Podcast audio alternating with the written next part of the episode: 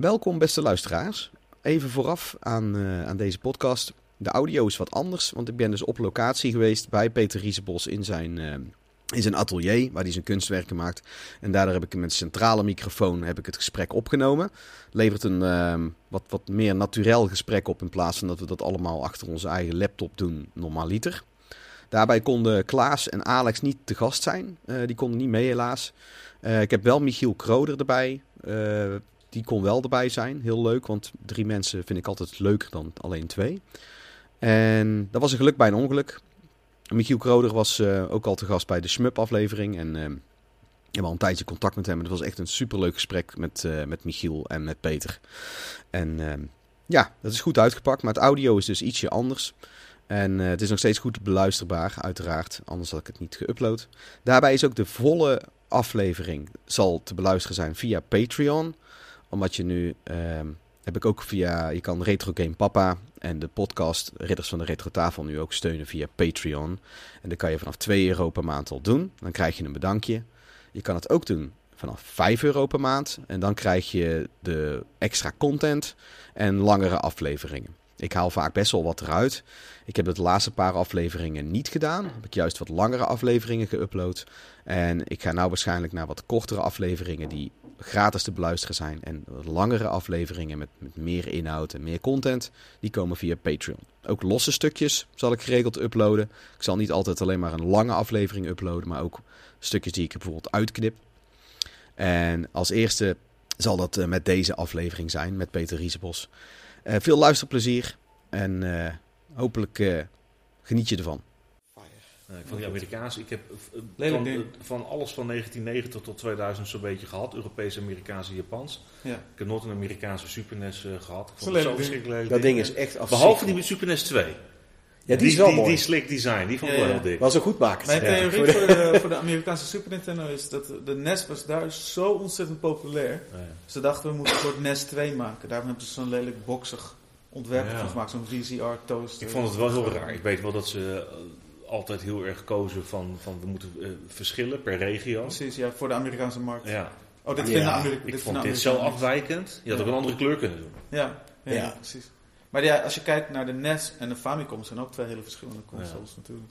Ja. Ja, dat, maar, maar die Famicom kwam 85 uit. Ja, En die NES die kwam er 89 uit. ja, Er zit echt wel een, een, een gat tussen. ja. En, dat is natuurlijk ook zo, die westerse industrie die lag zo door de videogame crash... ja. dat ze doodsbang waren om iets te lanceren als ja. spelcomputer. De Amerikaanse vooral. Ja, Ja. en Ja. toen hebben ze gezegd van dan maken we er een soort family eh, entertainment systeem. Ja. Dat, al die gasten wilden altijd, dat, dat wilden de 3D ook, ze wilden altijd een soort nieuwe VCR of Ja. zo, weet je wel, naar huis Ja, ja, ja. Ja. Ja. Eigenlijk is... eh, was Neem jij even de regie, want anders Yes, dan... we eh, gaan eens even aan de gang. Ik, ehm,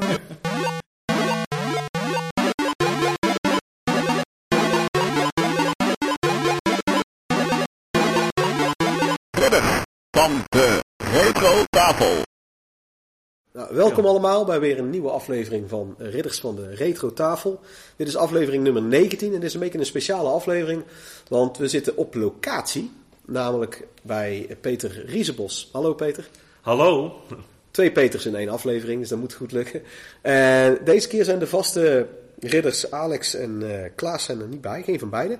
Maar we hebben een andere hele speciale gast en dat is Michiel, die we kennen van de Smups aflevering. Ja, ja, geen ridder, maar misschien een huurling of zo. Eh, Of een page. Ja. Page. Dankjewel.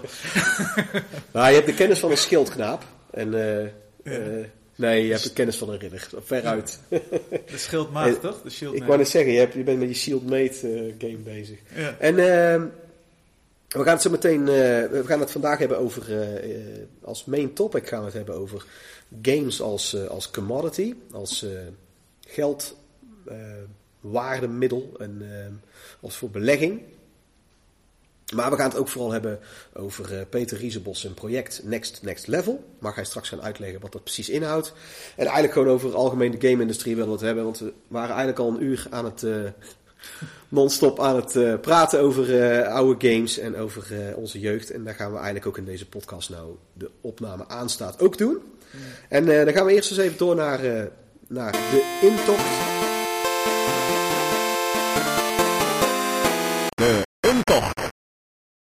En daarin gaan we het hebben over wat we de afgelopen paar weken hebben gespeeld of gezien.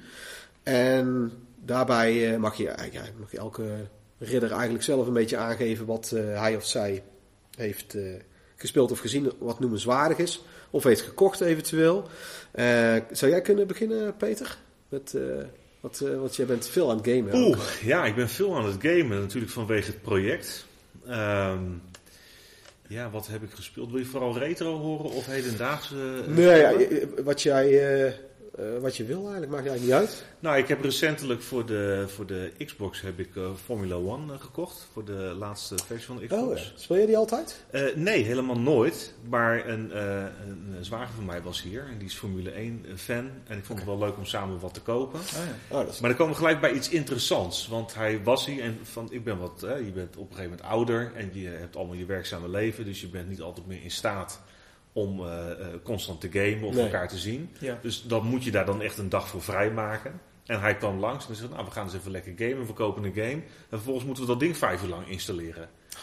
Ja, ja dat trek ik dus echt heel slecht. Hè? Dat heel is vijf uur van je dag kwijt. Nee, maar gewoon überhaupt. Hè? Ik, ik hou heel erg van dat plug-and-play, dat je een spel aanzet.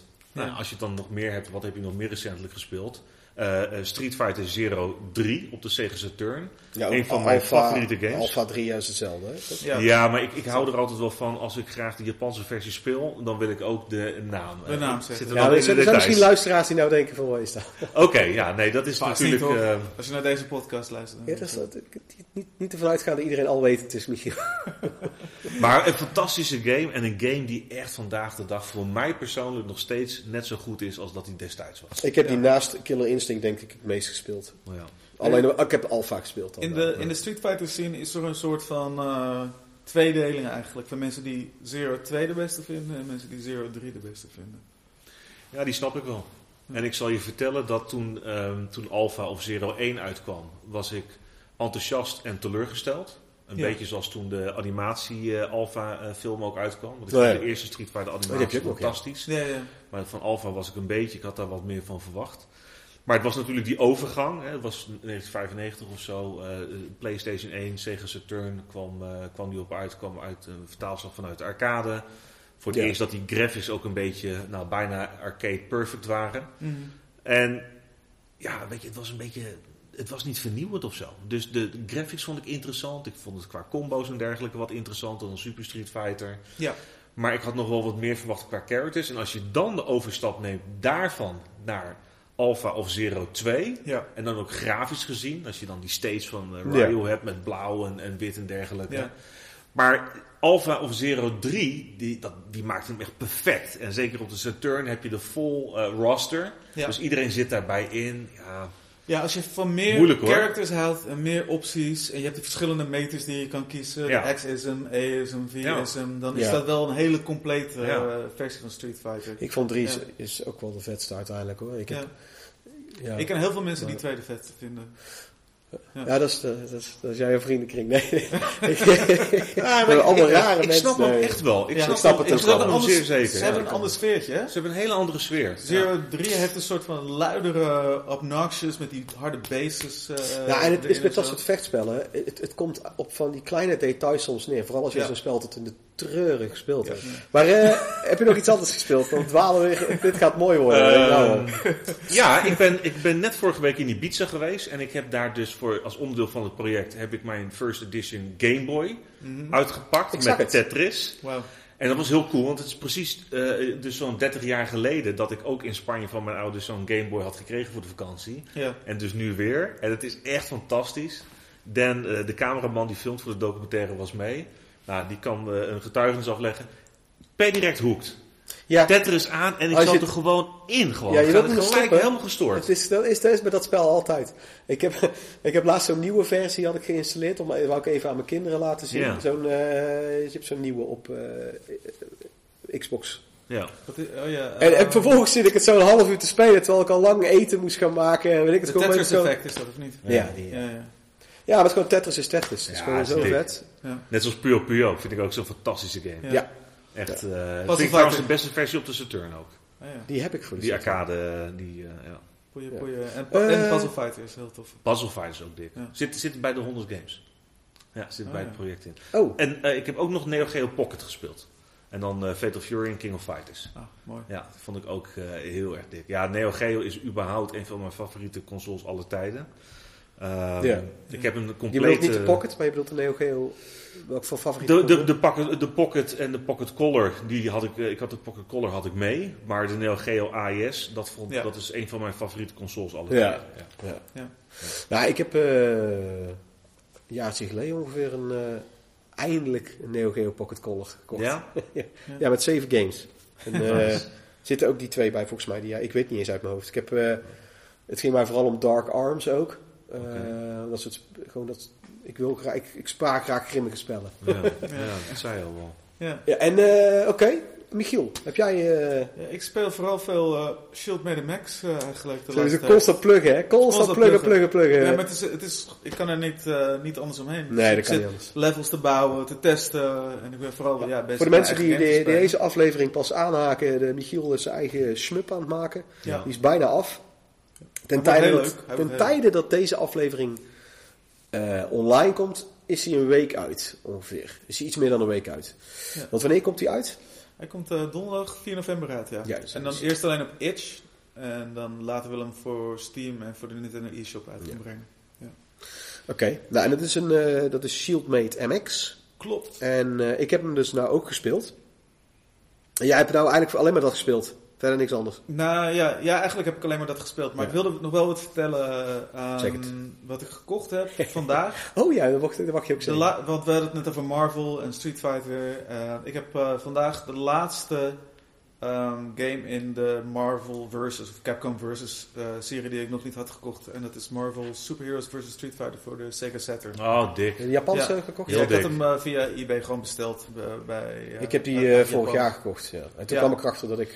En dan had Japanse het over hoe lief mensen kunnen zijn in de, in de uh, gaming scene. En ik kreeg gelijk van de uh, verkoper, Japanse uh, man of vrouw was het, kreeg ik een mailtje van... Oh, wat fijn dat je onze game besteld hebt. Het is van een van mijn favoriete games en ik hoop dat je er heel veel plezier van ja. hebt. Heb je nog iets anders nodig? laat het me weten. Echt een heel, heel lief mailtje ook, weet je. Ja. Terwijl dat heb je niet zo snel als je dingen van Amerikaanse verkopers Maar, maar dit is wel interessant, want dit is iets waar ik het straks ook wel over wil hebben in relatie tot wat er dus gebeurt met mensen die echt alleen maar gaming als beleggen zien. Ja. Er en komt heb... een andere atmosfeer bij. Als je echte gamers hebt en deze interactie, dan is je hele ervaring van de gamespelers compleet anders. En ik heb ook gelijk, ik ben gelijk, ik zag dat mailtje, ik ben achter mijn computer gaan zitten, ik heb gelijk geantwoord dit is de laatste game in die serie die ik wil hebben. Ik kijk er heel erg naar uit om te, om te spelen. En uh, dit en dat. Ook gelijk laten weten, ik, ga, ik ben er niet als investering aan het kopen of om door te verkopen. Ja, heel goed. dit en dat.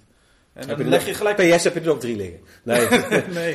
en, dan, en, dan, heb je gelijk een soort van... Um, ja, connectie gelijk ook. Met ik heb een hele ja, leuke anekdote over Marvel vs. Street Fighter. Ja. Uh, toen X-Men vs. Street Fighter, toen ik de eerste screenshot in de Game Fan of de Electronic Gaming Monthly zag, ja. toen draaide ik helemaal door. En dat waren hele slechte screenshots, weet je wel. Dat was dan een beetje Japan News of iets dergelijks. Die Sushi X, die schreef er dan over. Oh ja, ja. En uh, nou, ik draaide helemaal door, want het werd al heel lang gesuggereerd dat X-Men vs. Street Fighter zou komen. Ja. Nou, dus dan nou, ben je hoekt. En toen kwam op een gegeven moment dus Marvel vs. Street Fighter. En die heb ik dus ook Japans gekocht voor de uh, Sega Saturn. Ja. Daar zat nog die gekke fotograaf in die zo'n hele rare beweging ja, ja, dat als Marvel special heeft. vs. Street Fighter. Ja, ja die ja. ja. Nou, joh, dat echt waar. En ik zat het spel te spelen. Maar je kunt daar dus een soort alternatieve uh, gasten krijgen van een paar poppetjes. Dus oh, niet helemaal nieuwe characters, maar een soort andere outfit of een aantal...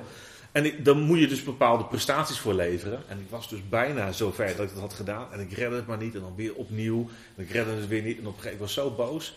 Dat ik gooi zo mijn joypad zo op de grond. Terwijl ik helemaal niet zo'n zo'n smijter ben. Maar ik was zo geïrriteerd door die game. En toen was ik zo boos. Toen trok ik zo mijn Neo Geo CD controle zo naar me toe. Ga ik dat wel spelen? En trok mijn Neo Geo CD op de grond. Ik viel van mijn bureau af. En die deed toen niet. was ik helemaal in paniek ben ik maar naar buiten gegaan.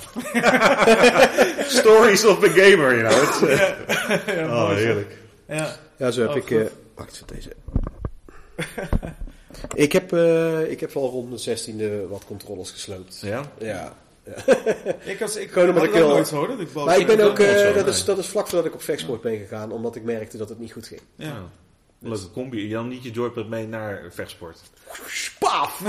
nou, dan deed ik uh, Indiana Jones kan er nog een lesje van leren hoe ik uh, slingerde met die combi. Ik zal je wat vertellen. Hè? Ik, ik, ik, ik, mijn, ik ben op karateles geweest. Dan had je zo'n serie gezien of, zo, of zo'n film, Kickboxer of Bloedsport. Ja. En uh, nou, dan was ik 12 of Met Jean-Claude Van Damme, een bladsport. Ja, zoiets. Weet je wel. Ik had, ik, had, in ieder geval iets in die trant gezien. Ja.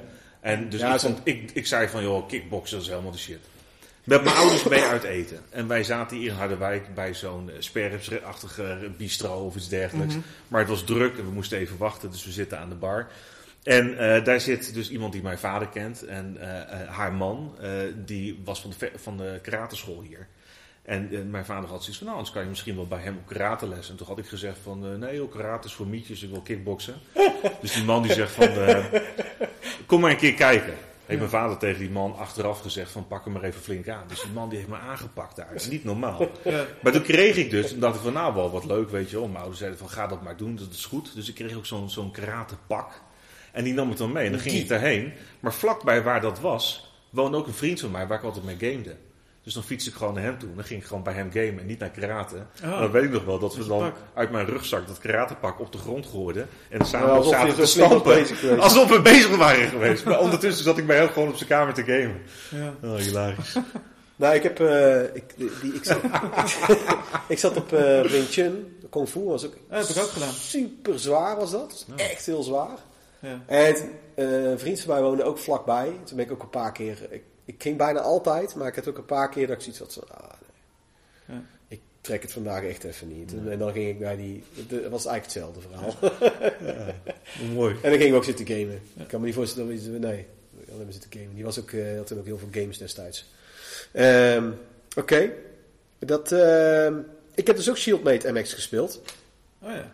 Uh, ja, omdat ik uh, eerst bij jou zat, net Michiel. Ja, een hele vette smup, kan niet anders zeggen. Eh, ja, mensen moeten hem gewoon gaan spelen en, uh, en, uh, en, kopen. Ik mag straks nog even zeggen waar en zo. Ja. Ik heb verder, uh, ik heb weer eens een filmavondje met vrienden gehouden. Dat wou ik al twee jaar lang. Maar als je een kind hebt en nog een kind krijgt en de, je gaan meerdere lockdowns komen er langs. En je woont in een dorp net onder Breda, wat ook niet zo handig is. was het allemaal nogal moeilijk om het voor elkaar te krijgen. Nu heb ik zoiets van, nou, ik, ik ga het gewoon elke maand organiseren. Ik bepaal zelf de films. Ik Klinkt arrogant als ik mezelf een filmkenner noem, maar in verhouding tot de meeste vrienden ben ik het in ieder geval wel. uh, wat ook alweer eentje bij binnenkomst zei, wat hij had gekeken. Ja, ik heb zo'n film gezien, uh, Last Man Down of zo. Uh, ja, oh, zo. niet heel goed, maar absoluut rommel. En ik had twee Nicolas Cage films had ik op, uitgezocht. Oh ja. Mandy, dat is echt een aanrader. Het is een soort pillentrip wraakfilm. Het is echt een kunstwerkje, vind ik het. Jullie kennen het niet? Ik ken hem zo niet, nee. Ja, het is echt zoals, zoals de, de, de grimmige stukken die David Lynch heeft gefilmd. Ah, Met dat het allemaal nacht is en, en de lucht is rood en alles is vreemd. Dat is eigenlijk heel de film lang. Ik vind hem ook een interessante acteur. Ja, hij is ook, hij is ook heel interessant in allebei de films. En de andere is Willy's Wonderland. En dat is eigenlijk Five Nights at Freddy's, alleen dan als... Oh uh... ja, daar heb ik van gehoord. Ja, waar mensen ook veel te kritisch op zijn. Ik snap niet waar, wat je verwacht als je zegt... Het zag er heel humoristisch uit. Het is grappig. En dan gaan een aantal mensen dood. Misschien dat er nog iets meer dood mogen gaan, nog iets bloederiger. En hij speelt een mute iemand. Sowieso ja. in allebei de films bij elkaar spreekt hij denk ik bij elkaar nog niet eens een half A4'tje aan tekst. het, is echt heel weinig. Maar je zou niemand liever willen dan Nicolas Cage in allebei de rollen. Bij de eerste, bij die, uh, we keken als eerste Willy's Wonderland. En hij zegt heel de film niks. Alleen een ah doet hij twee of drie keer. en hij maakt die robot dingen dood. En dat, hij dan, dat dat dan take 48 is, weet je Sorry, kun je het nog één keer doen? Ah. Nee, sorry, nog één kan keer. nog iets meer Nicolas Cage. nog iets meer. En, uh, hij, hij, en hij, gaat, uh, hij heeft een vaste moment. Het is een soort autistisch figuur, moet ik denk ik voorstellen. Ik had een heel theorie op het einde van de film. Uh, want hij, er is een vaste moment waarop hij pauze neemt. Dus dan is hij aan het vechten en is die, zijn van die teenagers, die lekker irritante teenagers zijn het ook. Die, die, hij, die kunnen allemaal niks tegen die monsters, maar hij slaat ze gewoon in elkaar, want hij is Nicolas Cage. En, uh, maar dan gaat hij in de flipperkast zitten spelen. En ze hebben een speciale flipperkast gemaakt voor die film. Ze hebben echt een Willy's Wonderland flipperkast. Oh, waarbij ik zoiets had van, oh, oh, oh, dat vond ik het vetste van de hele film. en, uh, en dan gaat hij, drinkt hij van een soort energy drink wat ze verzonnen hebben. Een soort caffeine drink. En dan gaat hij dat drinken en dan gaat hij dat zitten Dan gaat die ene dus bijna dood. En dan is de pauze voorbij en dan het slaat helemaal nergens op. Ik vond, het, het was heel leuk. Ik heb er ontzettend vermaakt met allebei de films. En uh, Verder heb ik Metroid ben ik weer gaan spelen, want Metroid Dread is uit. En ik had zoiets van, oh, ik heb Samus Returns op de 3DS nooit echt uitgespeeld. Ik heb wel alle andere Metroids meerdere keren uitgespeeld. Laat ik die eerst eens uitspelen. want dan krijg je Metroid Dread wel binnen met een pre-order. En dan denk ik van ja, ik, laat ik eerst eens die oude spelen. En ik heb alle Metroid games gereviewd op mijn site. Mooi. Uh, wat best wel een kawaaitje was. Allemaal in uh, twee alineaatjes. Ja. En dat was het eigenlijk wel. Ik ben de Evil Within nog aan het spelen. Die we ook nog eigenlijk voor Halloween uh, oh, ja. uitgespeeld hebben. de eerste Evil Within. Ja. Rare game is dat, ja. Die heb ik met Kenny Rins met die podcast Ja, het is ook een rare... Ja. En het is het ene moment echt een soort, soort vergevorderde, grimmige survival horror. Dat je echt denkt van, oh, dat zit heel knap in elkaar. Echt heel... Ja. Dat je echt op details... En daarna heb je echt een soort game moment dat je in een, in een gang met, een, met een geweer tegen een monster moet vechten. Heel erg oldschool Resident Evil. En het contrast is zo raar in het spel.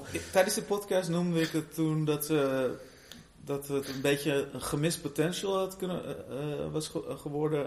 In de zin dat ze hadden een soort van Super Mario Galaxy van de horror games van kunnen maken. Omdat je, omdat je zit in de eigenlijk spoilers in de geest van een uh, psychopaat. Ja, dat is al duidelijk. En op elk moment kan die hele omgeving veranderen. Is ineens het plafond, is de, is de, de, de, de grond en de grond is het plafond. Ja, maar ook de locaties. En dan, kom, en dan kom je in een hele andere locatie terecht. Dus het is alsof je in een droom zit eigenlijk. Ja. In een nachtmerrie.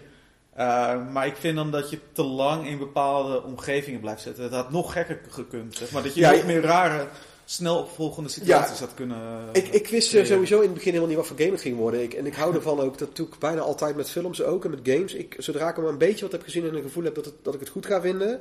Ja. Dan wil ik eigenlijk niks meer zien of weten. Want je, je hebt zoveel spoilers altijd. Ja. En ik, ik kan heel vaak de eindjes ook al aan elkaar knopen dan. En het begon echt als zo'n... Als, als, um, Zoals Outlast, dat je niks kan. Ja. Dus dat je moet dekking zoeken, moet je ja, sneaken. Dan, dan werkt het zo op je zenuwen, want je voelt je ook zo makkelijk. Maar nou ben ik de laatste paar uur die ik heb gespeeld, ik ben nou op de helft, drie kwart ongeveer, zoiets. Nou ben ik vooral uh, een soort, uh, vooral aan het schieten, zeg maar. En ik vind, hem, gooien, ik vind hem wel tof. Ik vind hem wel tof, moet ik zeggen. ik weet, nou, ik, ik, weet nou wat ik ervan moet verwachten. Hij is krakkemikkig, vond ik. Maar ik vond, ik, toch is hij me bijgebleven. Hij, hij is ambitieus. En je merkt dat, op, dat ze heel veel dingen hebben geprobeerd. Het is echt gewoon van, gooi maar tegen een muur en zie wat sticks, lijkt het wel. Heel super eclectisch. Ja. En daar, dat, is, dat vind ik noemenswaardig eraan. Het is alleen niet helemaal geslaagd. Ja. Maar ik, ik heb liever tweets als dit, dan dat, dat hij weer een Resident Evil had uitgepoept. Want het is van dezelfde Ja, het is Mikami is dat. Ja. ja. Goed. Uh, dat was noemenswaardig wat ik had te melden. Ik heb, uh, ik heb verder als... ik heb voor zelf ook een gesealde game openen. Ah ja. Want we zo meteen gaan we Peter interviewen eventjes. Met, waarbij het heel uitgebreid mag jij het over Next Next Level. En ik denk, het is ook leuk als ik een gesielde game openmaak. Omdat dat een van jouw doelen is. Ik kan deze ook in waarde laten staan. Ik wil eigenlijk een hele andere meenemen. Ik heb ook een oude retro, paar retro games gesield. Maar ik, ik heb er gewoon uh, niet aan gedacht. deze, deze, deze moet je spelen. Deze ken ik dankzij Michiel. ik vind het heel interessant wat je zegt. Ik kan hem ook in waarde laten stijgen. Dat is voor mij dus al iets heel merkwaardigs in de gaming-industrie. Ja. Dus als je het zegt van ik wil hem bewaren, want voor mij de belevenis van hoe die er nu uitziet, helemaal nieuw in de verpakking, dat biedt mij iets. En dan intrinsiek gezien, dat vind ik interessant. Maar het feit dat dat dus nu al een ding is, dat mensen zeggen van iets kan in waarde stijgen, dat het al gedisconteerd zit in die gaming community, daar heb ik al heel veel moeite mee. Ja. Ik weet precies wat je bedoelt. Ja, ik dus ook, dus we gaan hem nou inzielen. en deze moet je spelen, deze moet je niet nou, ik zat, gisteren was ik dus bij Ted's Arcade. Ja.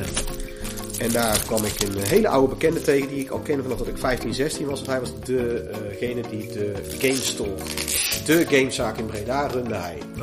Toen is hij daarna naar Tilburg gegaan, dus hij zijn eigen, zijn echte eigen zaak begonnen. Weer teruggegaan naar Breda. Lijkt wel een beetje een padlabor. Manga die ik vroeger kreeg. Oh ja, zo'n uh, robotdingetje. Oh ja. Even kijken, nou, die val die zal die wel... Ik vind het ja, soms wel moeilijk vandaag de dag dat ik zie zoveel collectors editions dat ik wel eens denk, ja, is het geen overkill? Nou, bij mij, ik, ik heb er dus heel veel. Ja. En ik heb al de dozen bewaard. En ik, zelfs ik ben er nou een beetje, ik ben er eigenlijk best wel gek op. Maar ik ben het ook een beetje beu. Ik heb nou die van, uh, als je alleen maar collectors editions koopt, het neemt zoveel plaats in. Dat is ook. De Audi Galaxy. Ja, Het zijn hele simpele open vragen, want jij bent een kunstenaar. En jij bent vooral in China heel bekend uh, geworden. Je bent, je hebt, want je bent naar Shanghai verhuisd toen en zo. Ja, ik heb een tijd in, uh, in uh, Azië gewoond, hoofdzakelijk in Shanghai. Ja. ja. En je bent nou weer terug naar Nederland gegaan? Ik ben op dit moment in Nederland en ik mag ook niet zoveel plekken bezoeken. Vanwege oh. corona oh. natuurlijk. ik ga voor het eerst weer naar New York volgende week. Maar Azië ben ik al twee jaar niet geweest. Helaas, helaas. Ja. ja. ja. En ehm, jij bent hier begonnen met jouw Next Next Level project. Ja, klopt. Ja, dat is dan maar een beetje de bonus ook van, uh, van de coronatijd. Ik heb eigenlijk altijd wel verschillende projecten waar ik over nadenk met wat ik zou willen doen. En uh, ik vind dat je als kunstenaar dingen moet doen die dicht bij jezelf liggen. Nou, ik ben altijd een, een behoorlijk obsessieve gamer geweest. Uh, is een, het is een wezenlijk onderdeel van wie ik ben. Ja. En ik denk van, nou, daar moet ik een keer wat mee gaan doen. Maar wist nooit zo goed wat als ik in, toen ik in Azië woonde, ging ik ook regelmatig naar Japan toe. En wat ik in Japan eigenlijk stevig deed, was games kopen in Akihabara bij de Super Potato Shop en dat soort plekken. En uh, op een gegeven moment was ik een keer een maand met mijn vrouw in Tokio. En toen zei ze na een week of drie, zei ze van ja Peter, je hebt nog helemaal niks gekocht. En toen zei ik van nou, ik ben het een beetje kwijt. Uh, de passie voor gamen zoals ik die vanuit mijn jeugd heel erg ervaren heb. En dat is op zich niet zo gek. Ik had vroeger ook een passie voor Lego. Dat veranderde toen, ik, toen gaming kwam toen ik ging studeren werd dat meer het academische, politiek, politiek filosofie. En uh, het is wel weer grappig, maar daar gaan we straks over hebben, hoe gaming nou weer een zeer wezenlijk onderdeel toch weer is. En bijna een soort, weer een soort herontdekking, wat je een beetje kwijt was geraakt door de gekte van mijn leven de afgelopen tien jaar. Mm maar ik denk van, daar moet ik wel iets mee gaan doen. En op een gegeven moment was ik hier en was, nou, voor het eerst was ik ook weer in Harderwijk. Waar ik altijd, waar ik dus nu ook woon en waar ik voordat ik uh, uh, ging studeren en dergelijke ook altijd gewoond heb. En waar dus ook die gamingtijd zo'n wezenlijk onderdeel van mij is geweest. En toen dacht ik van, nee, daar kan ik weer eens wat mee gaan doen. Misschien nu is nu het moment aangekomen voor nou, een gameproject. Nou ja, dan begin je daar een klein beetje mee om dat te verkennen. En ik denk van, weet je wat ik ga doen? Ik ga een project beginnen. Toen heette het project nog Game Over, niet Next Next Level. Ja. Want ik wilde dat gevoel, dat wilde ik analyseren. Ik ben ook psycholoog, dus ik wilde ook vanuit mijn studie psychologie wilde ik naar dat, uh, dat fenomeen van nostalgie en dergelijke kijken. En toen dacht ik van, weet je wat? Ik ga de 100 beste games uit mijn jeugd en tienertijd nog een keer spelen en daar ga ik dan afscheid van nemen. En dan ga ik eigenlijk die fase van mijn leven, die ga ik afsluiten. En ben ik ontvankelijk voor een nieuwe fase in mijn leven. Met een strikje eromheen. Ja, nee, maar gewoon echt een beetje dat principe. Ja. Dat had ik. Mijn vrouw vond het gelijk wel heel raar, want die had zoiets van hoezo game over en een afscheid nemen en zo. Maar goed, hm. ik dacht echt van nee, dit is, dat is de route.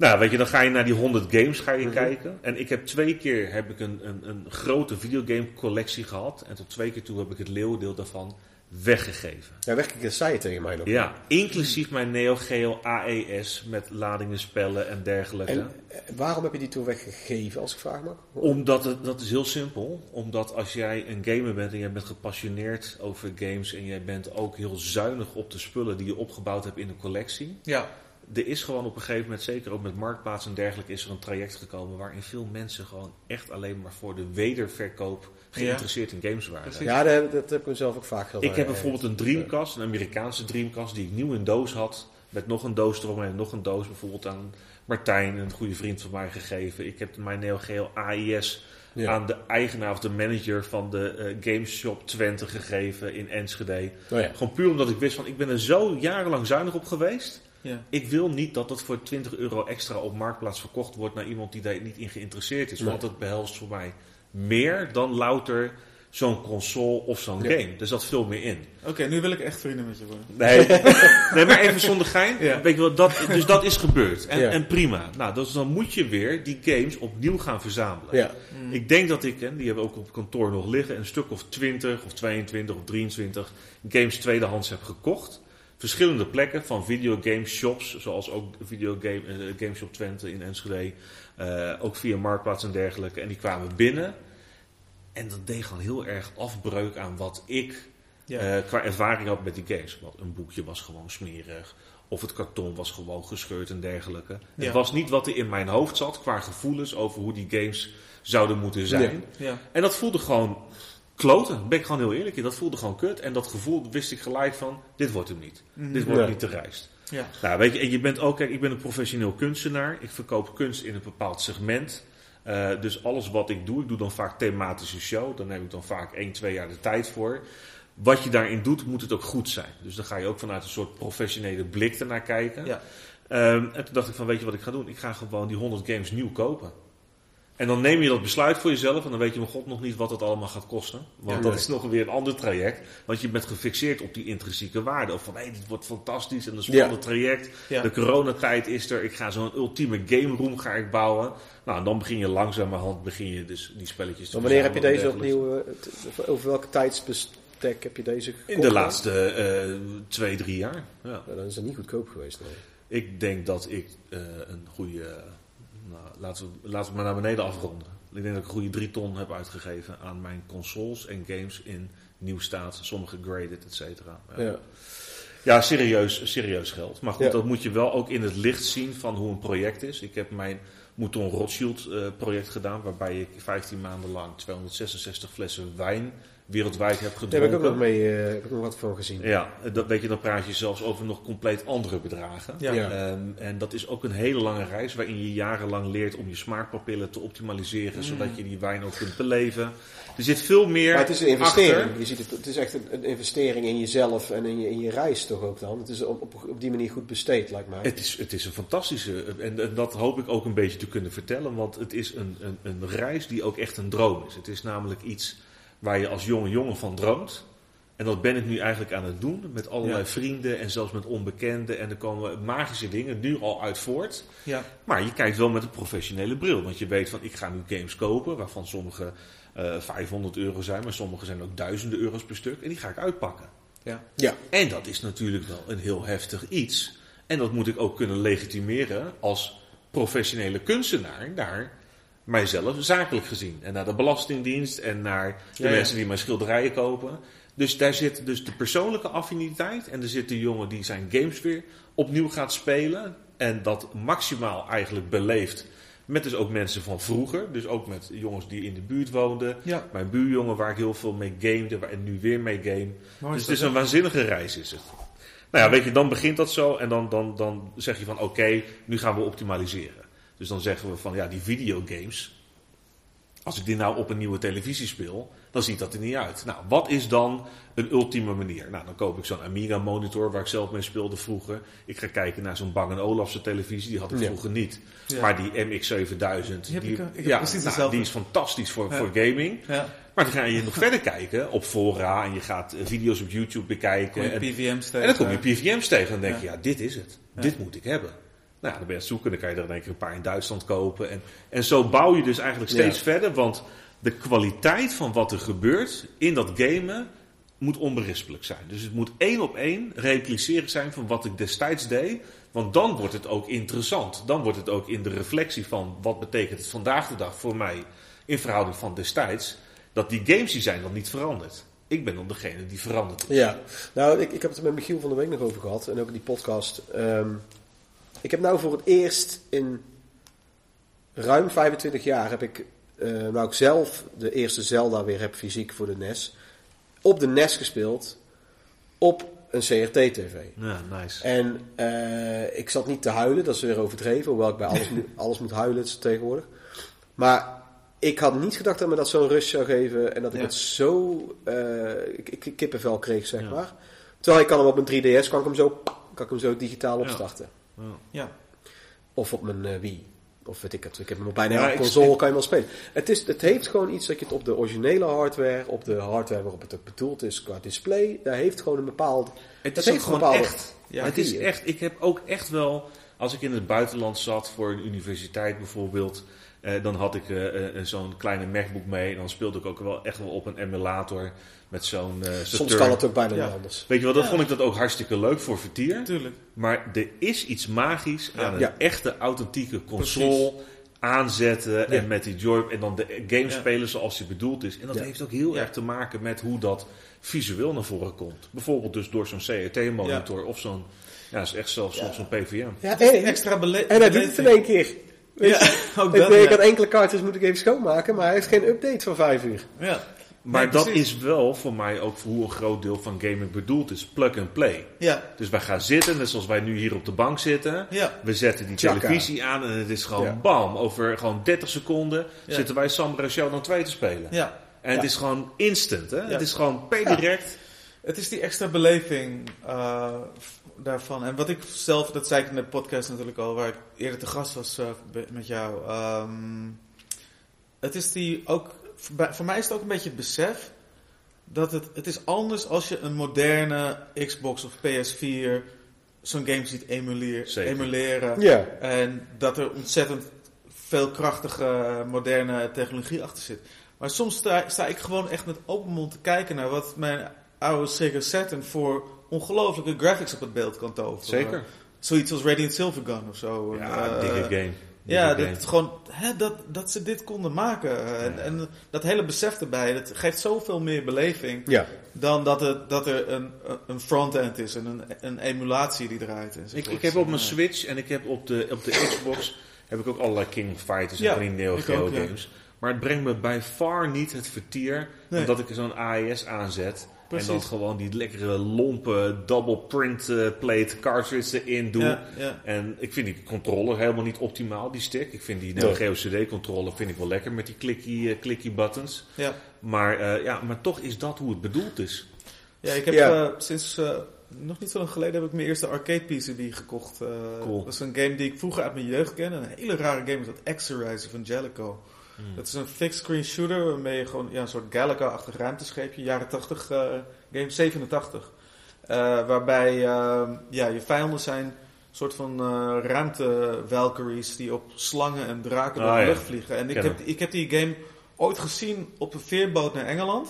Nice. En dat, dat, dat is op mijn hersenvlies ge Ja. geprint gebleven. Dit is raar. En ik heb ook later op de Hardcore Gaming precies- 101 forums heb ik zitten zoeken. Ja, wie kent die game? En, eh en Maar zo is het altijd. Weet je, Ja. je bent ergens op vakantie en je zag Ja. zo'n elkaar aan Ja, de kant dat- staan en je denkt van... En dat is dan magisch geworden. Ja. Want dan kan ik ook dus een, zo'n Streets of Rage Ja. herinneren bij, bij het zwembad. eh, Ja. vroeger Ja, toen precies. ik En veel is- te jong was om dat, om dat te kunnen Ja. eh, betalen überhaupt. Maar En- het, ge- het gekke was dus, eh, ik heb die game vervolgens op Name zitten spelen. Het is niet, helemaal niet zo'n goede game, maar hij heeft iets raars of zo, of iets speciaals voor me. En toen sprak ik iemand via, Discord, op een shoot'em up eh, Discord.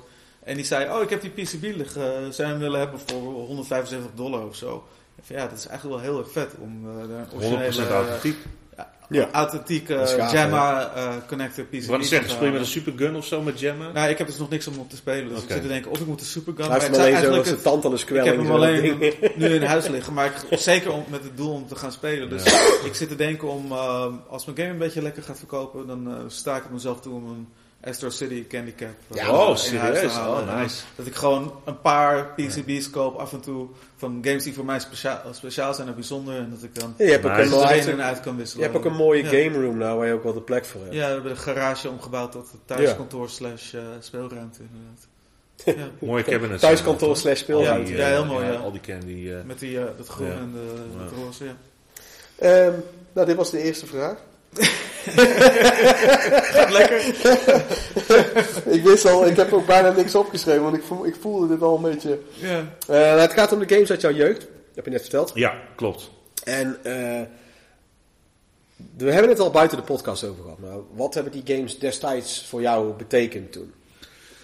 Nou ja, weet je, dat, dat, en dat gaat alle kanten op. Hè. Ik heb bijvoorbeeld Ja. een, ehm, een Castlevania 1, eh, eh, kreeg ik voor mijn verjaardag. Eh, net zoals Batman, die kreeg ik voor mijn verjaardag. Weet je wel. En, en, zeker Maar wanneer ben jij bij gamen begonnen? Op welke leeftijd ongeveer? Ik, het eerste wat ik mocht, nou ja, weet je, even los van buiten een Commodore 64 en, en, en dat soort dingen waar je al een beetje mee aan het rommelen was, kreeg ik mijn eerste videogame ervaring doordat we een Sega Master System Oh ja. bij de Videoland konden huren.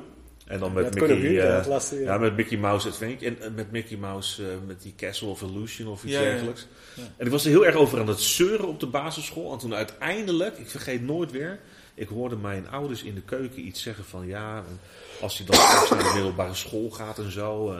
En is- dat dan wel goed, weet je, zo'n gesprek. Dus ik denk, ik krijg een Nintendo. Ik had zo lopen zeuren over zo'n Nintendo.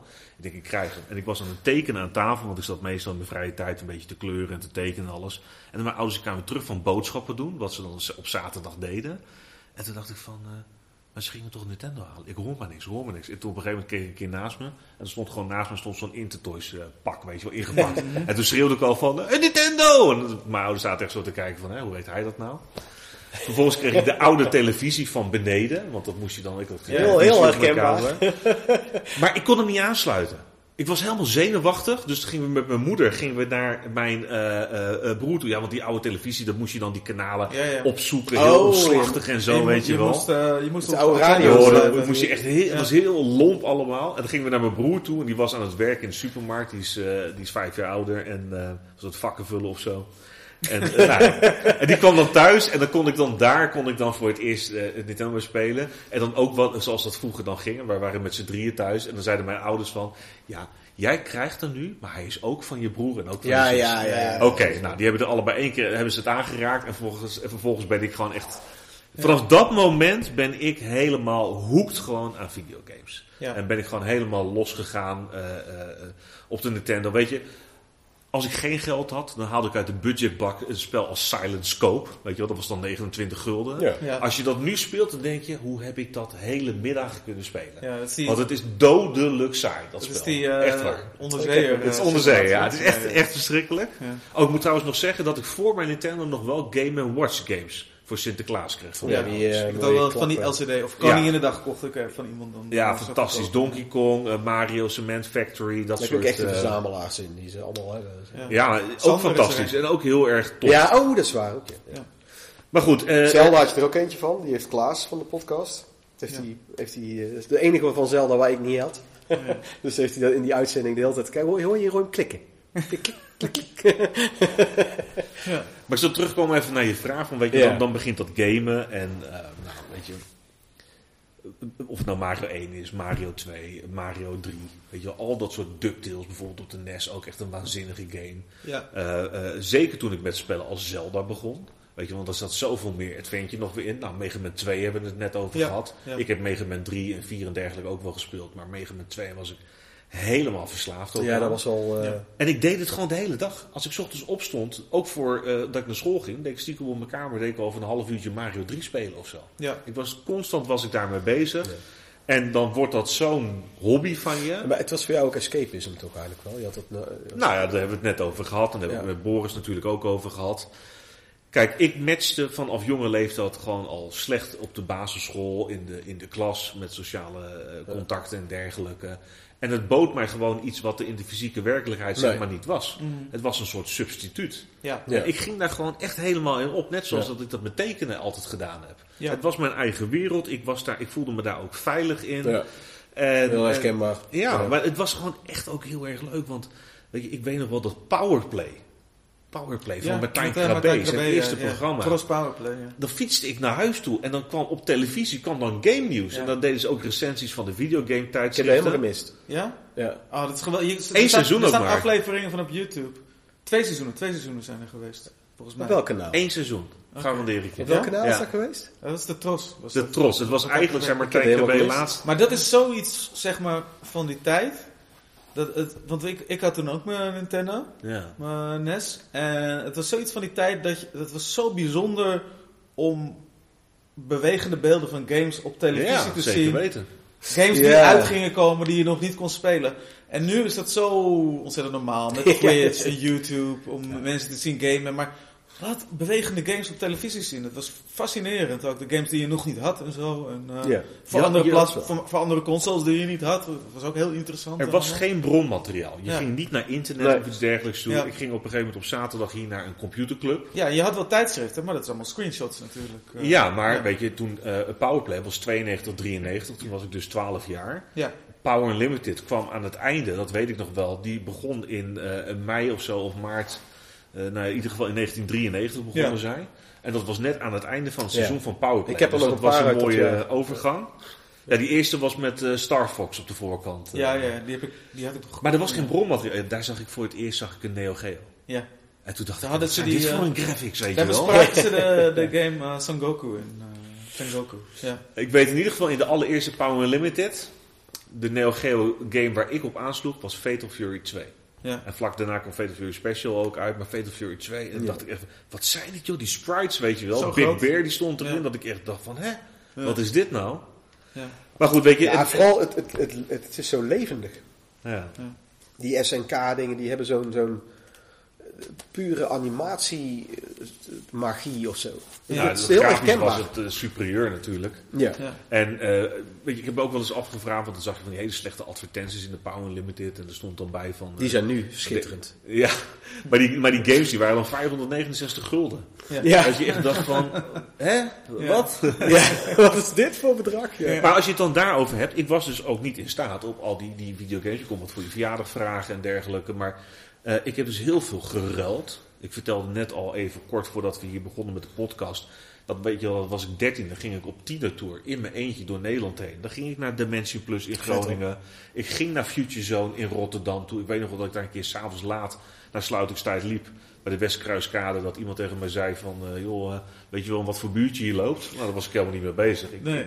liep al de hele dag liep ik in zo'n gameshop rond. Ja. Ook als ik niks kocht, hè liep ik gauw rond en was ik nog eens naar die spelletjes aan het kijken. zo. Zo gevaarlijk, ja, dat uh, zo gevaarlijk kan het niet zijn. Ik speel Castlevania.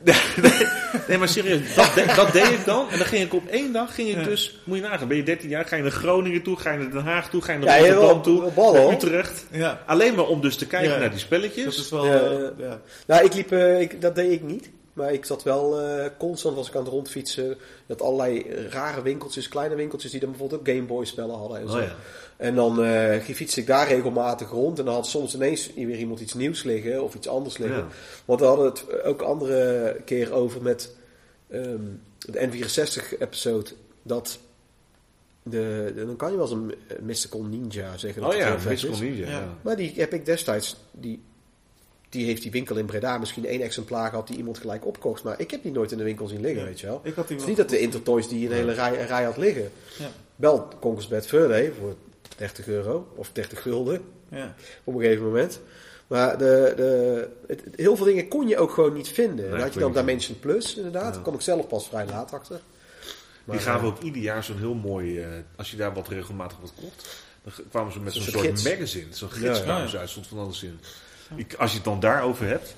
Ik heb toen ook nog moeten kiezen voor mijn eerste Sega Saturn Europees... of de Virtual Boy. Toen ben ik voor de Virtual Boy gegaan. Ja. Dus heb ik, heb ik een week nagedacht of ik de Neo Geo Pocket Color of de Game Boy Color. Ja. Want ik, uh, en, en, ik mocht van mijn ouders, ze je mag er eentje uitzoeken. Ja. De twee zou ik een beetje te veel. Toen heb ik toch de Game Boy Color gekozen. Ja. Maar uiteindelijk kwam daar die Zelda ook op uit en alles. En zo. Oh ja. Eigenlijk al een beetje te laat, want het was de Game Boy Advance al uit. Maar die, ja. Uh, ja, toch geen spijt van. Ik, uh, ik herken wel veel dingen die jij zegt ook. Want de, de NES was ook mijn eerste console. En ik ben dus opgegroeid zonder televisie thuis. Oh ja. Mijn moeder die was er heel goed tegen. Dus ik ben al van jongs af aan eigenlijk veel meer in mijn hoofd bezig geweest met tekenen, lezen, veel strips lezen en zo. Yes. En uh, toen kregen wij dus onze NES. En toen zat ik in de HAVO-VWO schakelklas. Oude televisie van mijn oma op, uh, op zolder neergezet, weet je wel. Um, maar mijn moeder werkte parttime bij Intertoys. Oh. En zij kocht hem dus tweedehands van haar collega die zo'n beetje alles voor de NES kocht met korting wat er binnenkwam. Hmm. Dus we kregen een NES met 40 spellen erbij in doosjes met handleidingen. Wauw, dat is echt ziekelijk Lucky bastard. Ja. ja en, en, daarvoor hadden we helemaal, helemaal niks van dat soort dingen. Dus ik ga vanavond gelijk nog klagen thuis. Het is echt... en, en ik zat dus in de HAVO-VWO schakelklas. Dat was geen, geen goede timing, want ik ben uh, toen naar HAVO in plaats van VWO gegaan dit jaar. Want ik, ben, ik had me gewoon helemaal niet meer met school bezig gehouden de rest van het jaar. Maar dat is wel wat er gebeurde. En, en inderdaad, zoals je zegt, in je de hele tijd op school zit ik in mijn schrift, Gradius, sprites te tekenen. Maar bij mij werd uh, met Super NES afgepakt in de vakantie dat ik hem had gekregen. Ja. En ik was in de vakantie jarig. Ja. Toen werd ik 15, toen kreeg ik mijn uh, met Killer Instinct. Ja. En toen kwam mijn vader erachter dat ik een 3 had voor Duits of zo. Ik zat toen in de, ja. de tweede van de middelbare. En, uh, en ik zat op het gymnasium. En ik had. Ik, ik was bijna suicidaal. Zo ongelooflijk uh, niet had ik het daar naar mijn zin. Ja.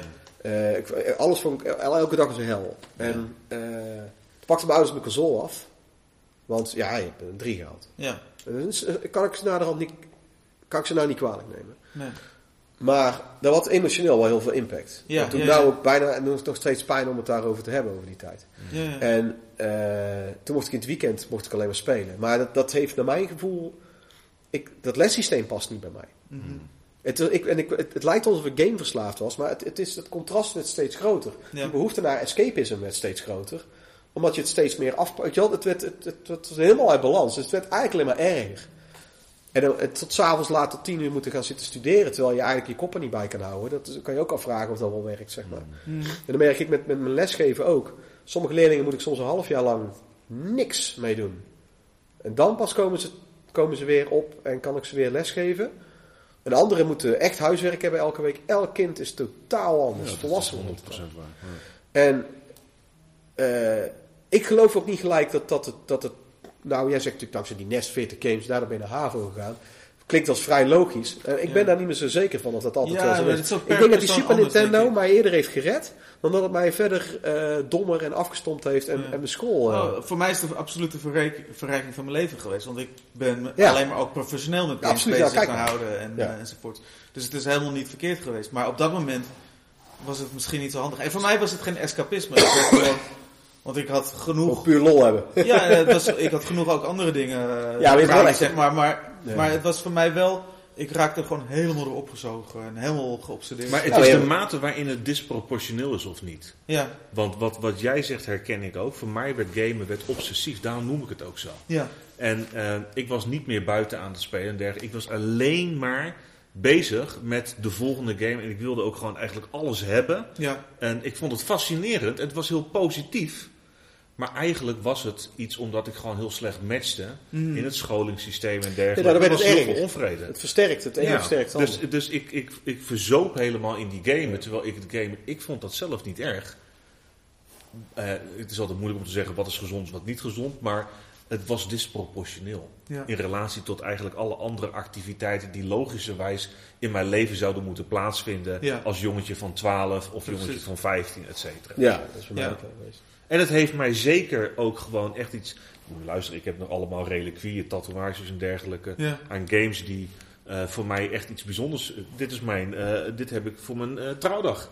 Toen ik ging, trouwen. Ja. mijn vrouw zei: Doe dat nou. Hè? Omarm nou dat, hetgeen, wat dat voor jou betekent. Wat mooi. Mijn Street Fighter code. Maar dat zei zij ook: van, Doe dat in plaats van je, eh, je trouwring. Ik heb mijn trouwring pas later gekocht. Maar dit was mijn cadeau toen wij gingen trouwen. Ik vind het heel mooi dat je vrouw dat zegt. Ja, dat vind ik vet.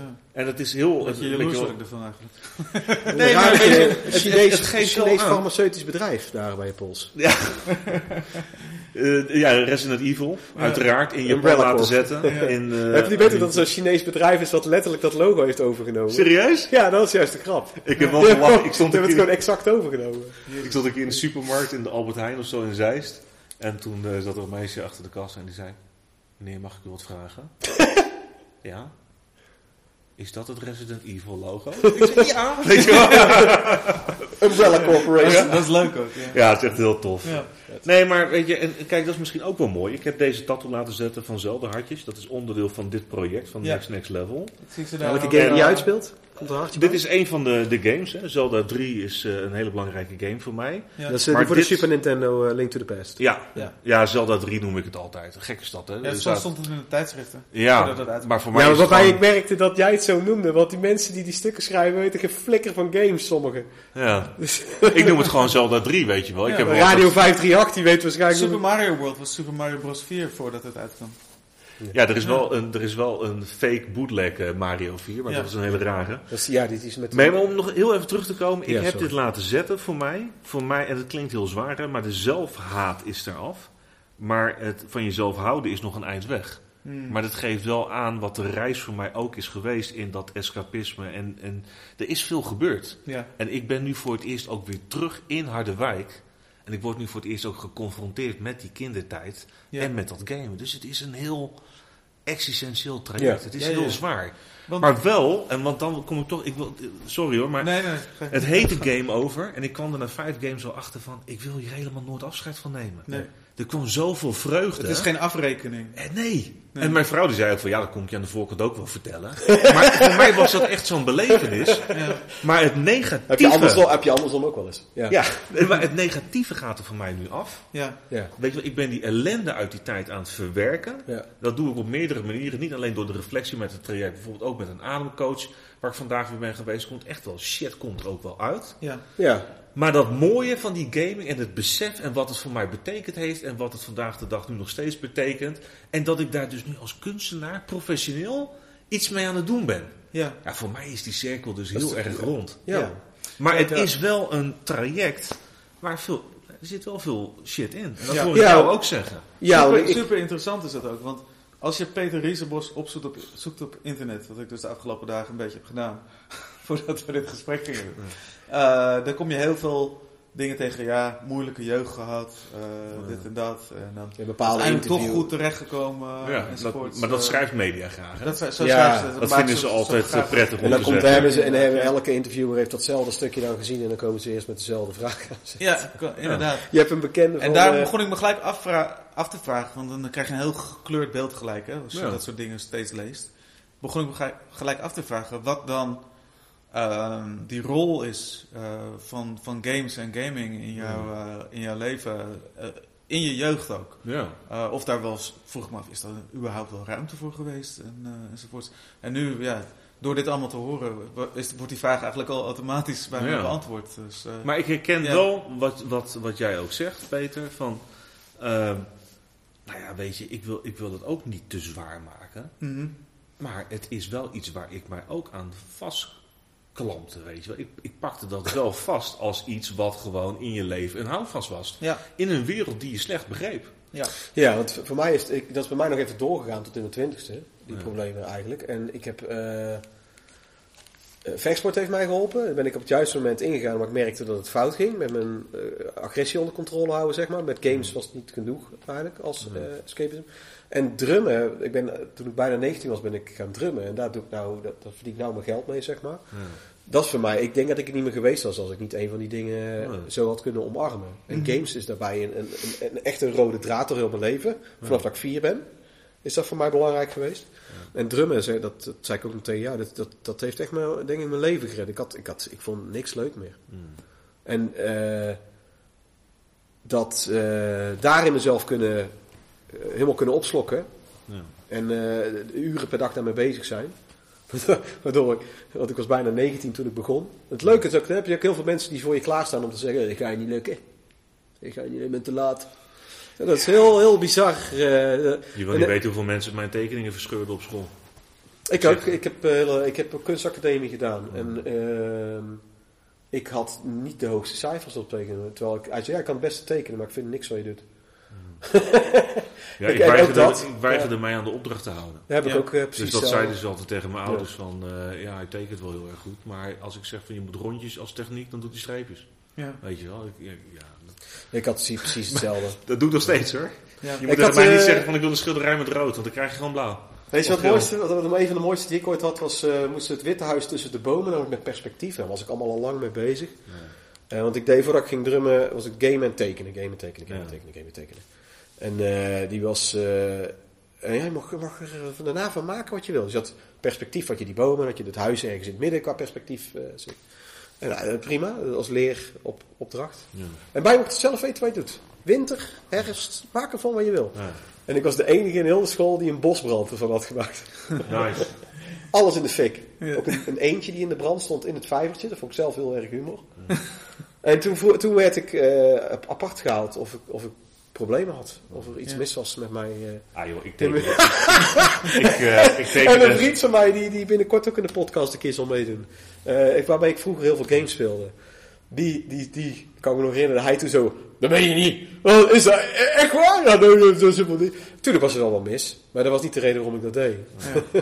nou, ik, ik vind het heel geinig dat je dit vertelt. Want ik vertel vaak bij spreekbeurten ook dat ik dan weigerde bijvoorbeeld een schriftelijke overhoring te maken. En dan tekende ik een poppetje aan de gallig of in de Weet je, dat is niet gezond. Nee. Maar weet je, om dan gelijk uh, helemaal gestrest ervan te doen. En ja, ja, Het is gewoon een vertaalslag, een communicatieve uiting. Maar het is wel een vertaalslag van je negatieve gemoedstoestand. Tuurlijk, ja. Ja, en het kan ook, ja. Ja, ja hilarisch.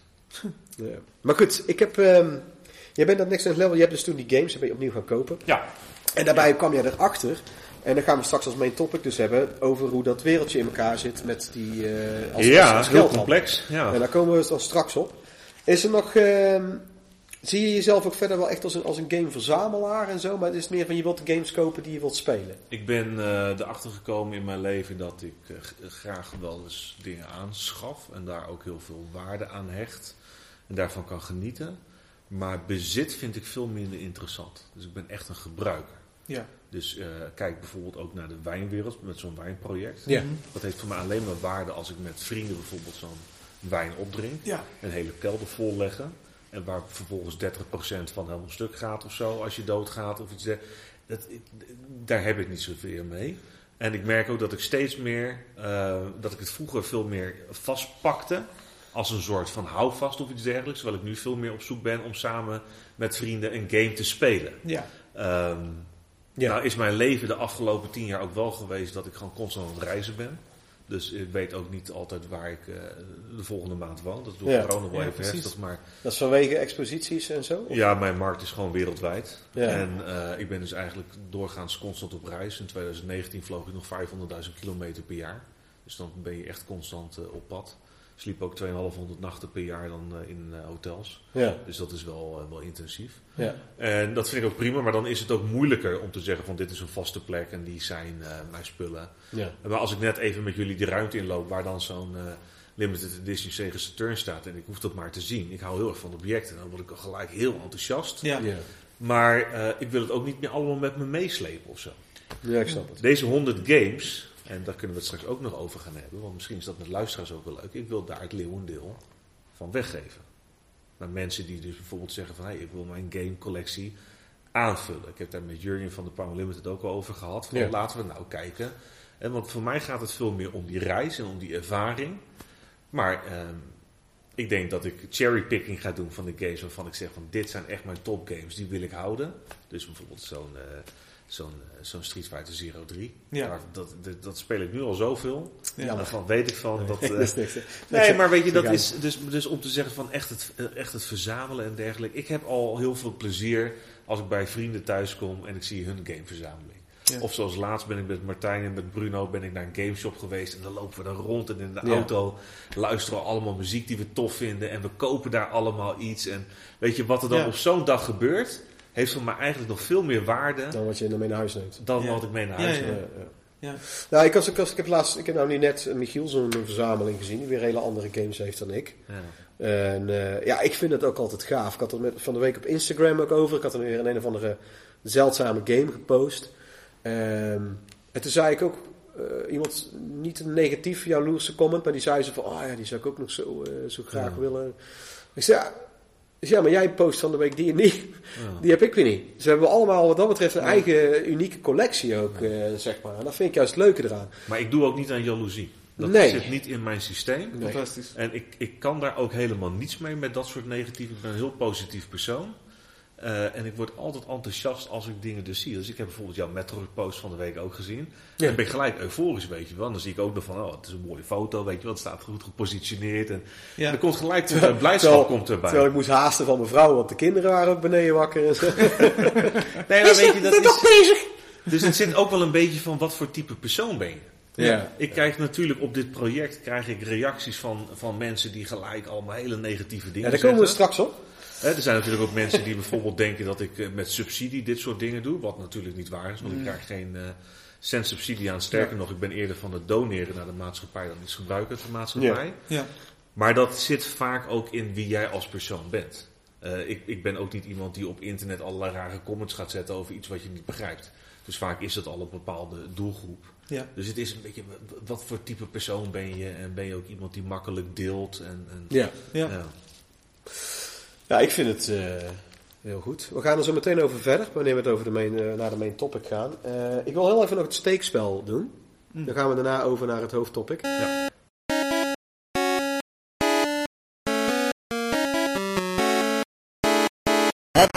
Spel. Heb jij een, eh, een spel uitgezocht waar je het over wil hebben, die je fysiek erbij kan pakken? Eh, oeh, nee, want ik heb hier denk ik niks liggen. Het ligt allemaal in mijn game room.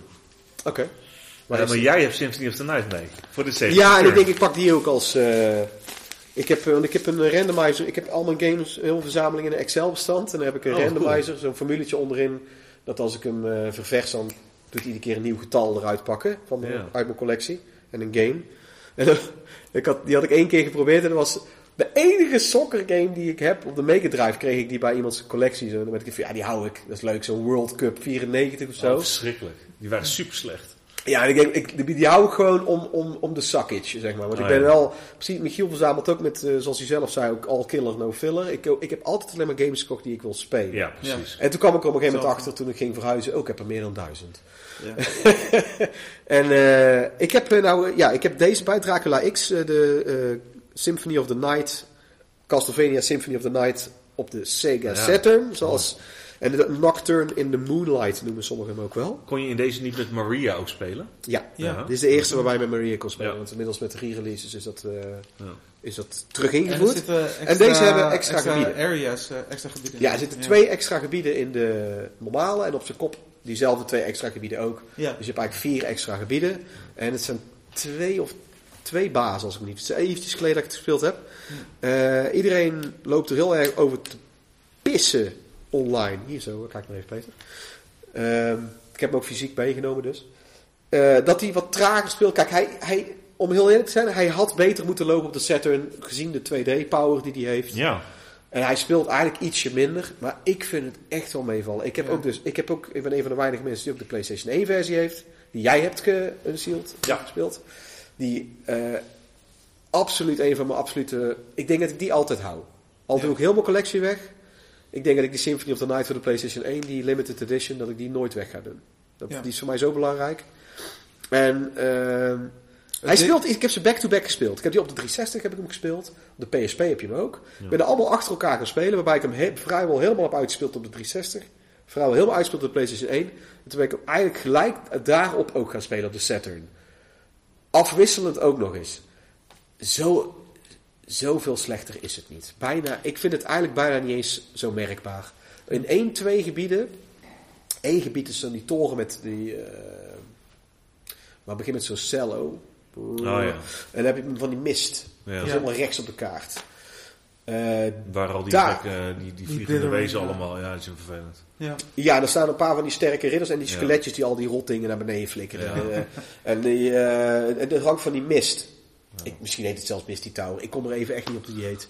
En die, uh, daar vertraagt hij echt. Dat, dat, dat speelt moeilijk.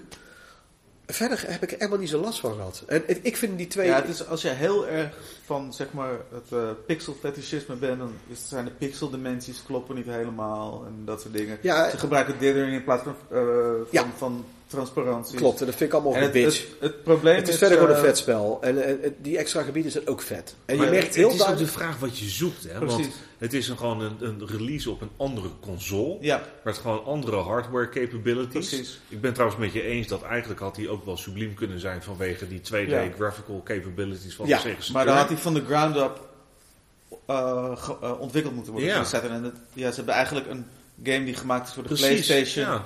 Zeg maar gepoord. En die is natuurlijk wel heel erg gemorfd met zo'n 2D, semi-3D-achtige effecten erin. Ja, en ik, ik wou deze zo per se hebben, omdat ik ook al zo fan ben van heel die game. En ik denk van ja, ik, ik wil die extra gebieden gewoon ervaren. En eh, het is niet heel, heel speciaal, wel, wel unieke verhalen, unieke muziek. De muziek is ook niet de beste in de game. Maar het is niet verkeerd. Het, is, het speelt prima. Die basis is best wel vet. Er zit één zo'n rare boom in, uh, in, in, in het ondergrondse gebied. En je merkt ook dat ze dat hadden willen doen. Want het ene, je hebt een soort kerker dungeon in het midden. En je merkt dat je dat, dat is bij die marble hal met dat tu tu tu tu tu tu tu tu tu tu tu tu tu dat met dat rare fluit. Sorry, wat zei je? Marble Gallery of zo heet maar zal ik je zeggen wat ik ervan vind met dit soort releases? Hè? Want ik, ik, ik las dat dan ook bijvoorbeeld in de magazine of zo. Of dan zag je van, oh die komt veel slechter uit. Ja. En dat vond ik dan altijd, oh wat slecht. Maar ik sta er eigenlijk veel meer zo in van als jij nou op de PlayStation dit een dikke game vindt, dan is dit gewoon een bonus. Ja. En dan heb je iets additionals, uh, additionals weet je wel. Dan kun je gewoon ook dit erbij spelen. En het is een different flavor. Ja. Maar het is iets extra. Als je dit niet wil spelen, speel dan alleen de PlayStation 1 versie. Ja, en het is ook. Het, ja, en het, was ook een beetje. Het jammer is. Een, een soort van tendens natuurlijk in de tijdschriften van die tijd. Dat de PlayStation was veel populairder. Het ja, en het is een beetje, zeg maar. een beetje puristisch pissen geworden. En, en, het jammer is dat nou bij alle re-releases, die op de 360 en die, die nieuwe nou op de PlayStation 4, waar die ook bij zat weer. Die, waar ook Rondo of Blood bij zat. Oh, ja. Want dat zijn twee games die elkaar opvolgen. Qua verhaal. Dikke game zit, hoor. Zit, Easy Engine. Ja, ik heb die binnen, binnenkort heb ik hem. Ja? heb ik een PC Engine met die game ja. eindelijk. ook nog iets wat ik ga. Vriend van mij die houdt hem nou bij, ik moet hem alleen nog geld geven. Heel goed. Uh, die, uh, dikke game. Echt. Ja, heel vet. Ik, wil hem, ik ben ook blij dat ik, die versie heb. Want Vampire's Kiss heb ik dan niks mee. Ik had die op de, op Super Wii, uh, ja. dat is eigenlijk dezelfde game. Ja, nee, nou, ik vind hem wezenlijk anders hoor. Ja, hij is wel heel Ik vind hem echt wel... Ja, maar hij is helemaal gebotcht, toch? Ja, hij is niet, hij is niet gebotst, het zijn ook echt andere levels. Compleet andere games. Ja? En hij is veel, veel lineairder. In de ja, heel lineair. Engine versie heb je zeg maar veel meer brand ja, paths en zo. Dat is waanzinnig. Je valt dat je echt naar beneden, dat je denkt van, ben ik een heel ja. gebied, ja. Ik, heb ik had die op de, de Wii Virtual Console gezien naartoe ik heb, ik heb de, zelf geen PC Engine of een TurboGrafx helaas. Maar hij was toen naar de Wii, hadden ze hem... Uh, ze hebben de, de, de PSP, kan je hem ook spelen kan je hem vrij spelen. Heb je ja, een remake, een remake en die, die maar ik speel hem uh, liever op een... Uh, ja, ik zeg niet wat jij liever wil. Ik zeg, nou, ik, heb, ik heb hem daar, uh, daar heb ik hem opgespeeld. Ik heb hem op de PSP gespeeld. Die, dra die, uh, die Dracula X Chronicles heet hij geloof ik. Ja. en die, daar zit ook trouwens ook Symphony of the Night ook bij. Maar ze hebben dus bij al die re-releases niet die extra gebieden van de Saturn erbij gedaan. Okay. Ja. Eigenlijk een beetje omdat, omdat die qua reputatie zo slecht is ontvangen. En ik vind dat een gemis. Ik vind dat jammer. Ja. Het, en dat is denk ik vooral reputatie. Misschien is het leuk om, uh, als wij weer Symphony of the Night gaan streamen, want dat is dus een van de 100 games, als jullie daarbij uh, bij zijn. Ja. Misschien wel leuk dat we er een uh, dag van maken. En, ik ben er helemaal voor. Ja. Zeker. Zeker. Ik vind het een waanzinnige game en ook gewoon qua audio echt. Ja. Echt nog steeds een van de favorieten. Het grappige is dat ik hem. En ik die heb artwork nooit, ook, man, van, uh, van ja. weet je, Ayami Kojima. Ja. Kojima ook als achternaam, ja. grappig. Ik heb, grappig is dat ik uh, nooit echt super zelf ben in, uh, in doorgespeeld in die game. Omdat ik, uh, ik was vooral echt een fan van de oude lineaire Castlevania's. En dat je echt die, die mooie level designs van, oh hier staat een fijn, ja, een heel venijnig plekje met een afgrond waar je in kunt vallen en zo. Daar genoot ik echt van. En dan, ik ben niet laatste de, de, de exploration-based Castlevania's, die zijn dan meer gaat het om het grinden en het levelen en zo. Ja, ik, ik grinden zit er bij deze game niet echt bij, vind ik. Maar ja, je, ik snap wel wat je bedoelt, maar Samson of the Night was zo... Hij is wel heel mooi. Zo revolutionair Ik wil hem wel graag nog een keertje helemaal doorspelen. Ik vond goed, ik vond de muziek goed, ik vond de gameplay... Dat het kasteel omdraait. ja, die twist. En ik heb hem zelf ontdekt. Want ik heb hem zelf eerst uitgespeeld met slechte einde. Ja. En toen merkte ik, er klopt iets niet. En toen heb ik het zelf uitgepuzzeld. Ja, dat is... Dat soort dingen. Dat, Tegenwoordig heb je dit, zag ik met mijn zoontje, die zes. Dus, maar die, die was laatst ook als hij een spelletje aan het spelen. Maar die ook gelijk op, op YouTube kijken. Ik zei, nee. Nee, niet doen. We spelen nou zelf, je speelt nou zelf door tot aan het eind. Je en toen had hij ook inderdaad, toen hij het zelf had bereikt. Want dat was een spelletje wat hij zelf kon spelen. Iets van Kirby geloof ik. Toen, vond hij, toen merkte hij, daardoor heeft hij nou eigenlijk geleerd hoe het is als je zelf er naartoe hebt gewerkt naar die ervaring. In plaats van dat je op YouTube, hey, we kijken het, we zoeken het op. Ja. Dat is eeuwig zonde. Dat was er ook niet bij vroeger? Ja. Nee, dat was helemaal niet bij. player ik, ik, sterker hoor, er kwamen vrienden langs bij mij om te laten zien hoe ik bij Resident Evil 2 dat einde had weten te halen, weet je wel. Met, uh, dat je alles unlockt en alles. Player discovery, dat is iets wat ik heel belangrijk vind. Dat je zelf als speler dingen uit Dat is het idee, dat je niet, Als je een RPG gaat spelen, dat je niet eerst gaat opzoeken wat is de ideale characterbeeld, weet je. Nee, het, dat is het idee van een avontuur of een roleplay game is dat je zelf moet gaan experimenteren en dingen moet proberen. En ik heb nu met die game die we aan het ontwikkelen zijn, uh, hebben we natuurlijk een hele groep testers, alpha en beta testers. Er zitten beginnelingen tussen, er zitten schmup, veteranen, wereldrecordhouders zitten ertussen.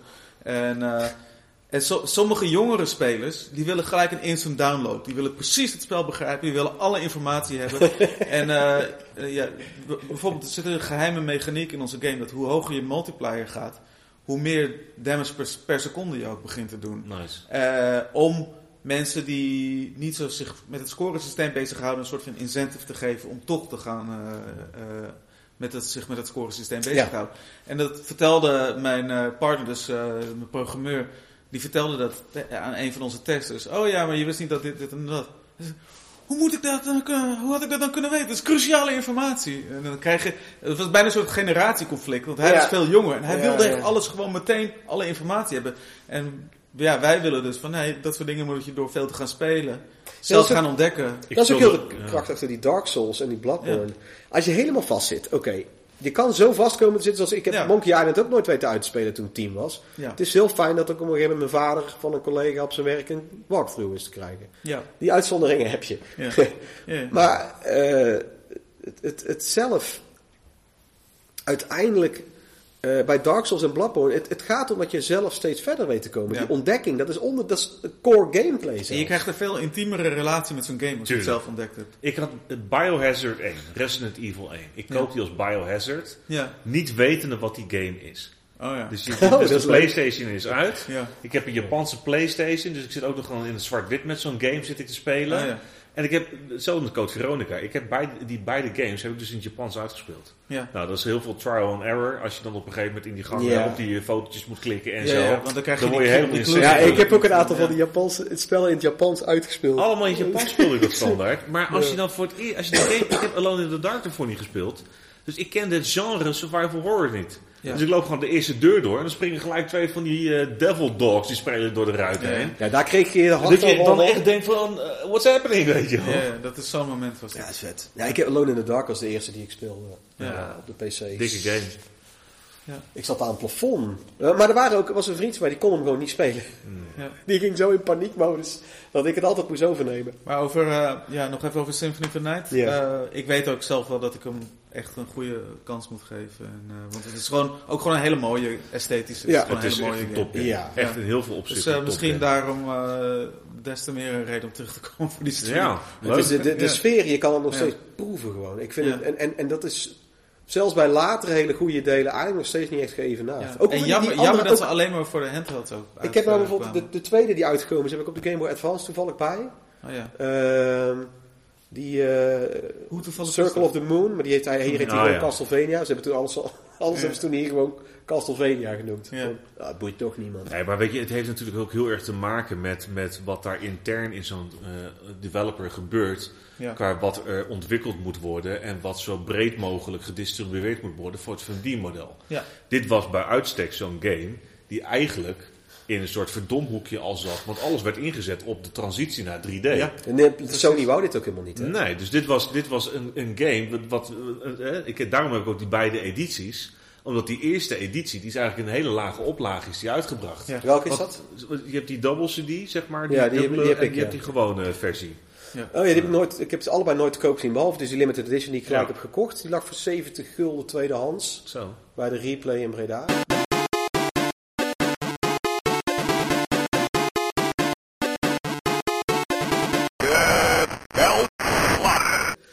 We gaan het eigenlijk een beetje hebben over uh, de game-industrie. En hoe games, fysieke games nou ook een beetje de trend hebben in de beleggingswereld als commodity. En verder hebben we het er een beetje algemeen over. Het moet ook een beetje, beetje luchtig blijven. Maar ik vind het zelf wel een heel interessant topic. Um, als ik even de spits af mag bijten met een, uh, een voorbeeld. Zometeen uh, mag Peter Riesebos uitleggen met Next Next Level hoe jij daarop komt. Ik heb paar mensen gesproken vooraf over uh, dat ik jou ging interviewen en jou ging ontmoeten. En waarbij ik uitlegde wat jij doet. Namelijk, jij hebt een aantal sealed graded games. Waaronder die van Wata. Wata is een van de graders. Die uh, doen een. Voor mensen die het niet weten, wil ik toch heel even uitleggen. Want er kunnen ook mensen luisteren die niet weten wat het is. Nog wel een opspraak geraakt, hè? Ja, ja, dat komt zo. Ja. En uh, waar we nou over dus hebben, je hebt, je hebt een game, een zeldzame game, meestal gesealed. En dan laat je die graden, laat hem keuren en uh, waarderen. En dan gaan ze hem in een soort ja, vinyl, doorzichtig, uh, transparant kluisje stoppen ze hem eigenlijk. En dan krijg je een bepaalde grading. En als hij dan bijvoorbeeld boven de 80 is of boven de 90 zelfs, dan wordt hij daardoor heel veel geld waard. En is hij, eigenlijk wordt het een waardeproduct. Het gaat er niet meer om dat je hem eruit haalt. Dat is vooral niet de bedoeling. Het is de bedoeling dat je hem eigenlijk als een soort waardeproduct hebt. Als een staaf goud. Zo zie ik het zelf. En wat Peter is gaan doen, is ze juist openmaken. Nou, zijn er een paar mensen die ik gesproken heb, die uh, daar heel echt, die gruwelen van het idee. Gruwelen van het idee dat je dat doet. Uh, ik las het en ik juich, het eigenlijk alleen maar toe, om heel eerlijk te zijn. Als jij ze zou opentrekken en je rukt de, de doos kapot en de handleiding wordt als wc-papier gebruikt, dan zou ik er anders op reageren. Dan zou ik wel zenuw trekken, maar dat is het niet. Ik heb zelf gelijk een goed voorbeeld, voordat ik jou aan het woord laat. Ik zocht, recentelijk kwam ik achter het bestaan van Shadow Tower. Dat is een vrij onbekende game van From Software. Die is alleen in Japan en in de Verenigde Staten in het Engels dus uitgekomen. Uh, en het is een, een, PlayStation 1 horror first-person spel in de stijl wat we een beetje kennen van From Software nu. En ik denk, ook oh, eens kijken op eBay, zal wel best wel duur zijn, maar laat ik eens kijken. Ik heb alleen maar graded kopieën gevonden die uh, Gewoon niks, exorbitant geprijsd zijn. Niks... Nee, eigenlijk alleen de Japanse edities, maar een, een, normaal geprijsde versie zat er niet bij. Alleen maar graded copies. Mensen die hem hebben laten graden. Om, ik kan dus eigenlijk alleen maar een product kopen nu als handel. Uiteindelijk zal hij wel een keer te koop komen. Maar het is gewoon zo opvallend dat de dag voordat ik hierheen ga, ik heb dat gisteren of eergisteren opgezocht, dat ik dan alleen maar graded copies vind. Ja. En, dan heb ik, en daar irriteer ik me dan echt aan. het spel is al heel moeilijk aan te komen. Er is al bijna niemand die hem kan spelen. Oké, als emulator nou wel, met emulatie. Ja. Dat is in ieder geval iets. Maar dan vind, ik vind het gewoon... Ik vind het persoonlijk een belachelijk iets dat je dan die dingen laat sealen... terwijl al bijna niemand hem kan spelen. Ja. Zo had ik het ook met Panzer Dragoon Saga. Ik heb die een heel aantal jaar geleden gekocht. In nieuw staat. Vraag me niet waarom die persoon hem wegdeed. Ik sprak toen iemand op Instagram. Die zei, ik had drie kopieën ik heb er twee, uiteindelijk heb ik er wel twee verkocht, want er zijn zo weinig mensen die dit spel kunnen spelen. En het is zo'n geweldig spel. Ik vind dat meer mensen dat moeten kunnen ervaren. En ik zit dan eigenlijk egocentrisch met drie kopieën. Zo vertelde hij dat aan mij. Mooi. Ja, ja. Heel mooi. Heel mooi. Ja. En dat is de reden uh, waarom je vind ik dat ook niet, niet moet doen. Uh, en dat is denk ik ook hoe jij erover denkt, Peter. Want jij hebt die, die, zo'n watergraded uh, Secret of Mana, heb jij sealed, heb jij opengemaakt? Nou, dat is gelijk wel even goed om over te beginnen. Ik heb één Wata game. Één, uh, want ik ben niet zo'n Wata-fan. En gelukkig is dat vandaag de dag ook wat meer in de openbaarheid verschenen. Ja, precies. Um, ik heb 100 nieuwe games gekocht. En ik heb aan de voorkant een lijst gemaakt van mijn 100 favoriete games. Op basis van, ik heb ze veel gespeeld, want ik kreeg hem voor een verjaardag. Ik heb hem veel gespeeld, want het was een launch game van een systeem wat uitkwam en dergelijke. Om allerlei redenen, maar ik heb daar een top 100 van gemaakt. En aan de voorkant heb ik gezegd, die games moeten nieuw zijn. Want tweedehands, dat heb ik eerder in de uitzending verteld. Ja. Dat was een smet op die ervaring. En die keuze heb ik aan de voorkant gemaakt. Zonder dat ik wist wat graded games waren en dat soort dingen.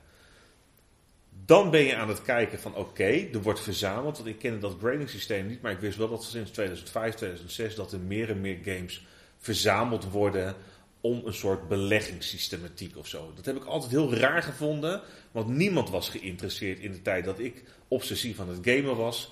Waren mensen buiten die gaming community totaal niet geïnteresseerd. Absoluut niet. En dat ik spelletjes aan het verzamelen was, of spelletjes uit Japan importeerde, of zelfs naar Japan reisde om spelletjes te kopen. Nou, dat vonden de meeste mensen maar gewoon raar. Buiten de gaming community. Dus laat dat vooropstellen. Het feit dat mensen dat als beleggingsobjecten zien, dat, daar heb ik heel veel moeite mee. Maar goed, iedereen moet lekker doen wat hij wil. Weet je, als jij een spelletje gekocht hebt en jij bewaart dat en dat wordt iets waard en je wil daar wat mee doen, dat moet je allemaal lekker zelf weten. Maar ik heb daar altijd wel een beetje moeite mee gehad. Ja. Nou, ik ben op zoek gegaan naar die 100 games en dan begin je te kopen. En dan ga je kijken van ik moet hem wel als een nieuwe editie hebben. En sommige games zijn heel moeilijk. Bijvoorbeeld die enkele Wata game die ik heb, Tecmo World Wrestling. Oh. Ja, dat was een game die kocht ik bij de Intertoys in de uitverkoopbak. En die heb ik verschrikkelijk veel gespeeld. Misschien wel de beste worstelgame op de NES. Maar ik kon alleen maar die vinden in Amerika. Ik heb daar maandenlang over gedaan om te onderhandelen of die wel of niet te kopen. En uiteindelijk heb ik de keuze gemaakt.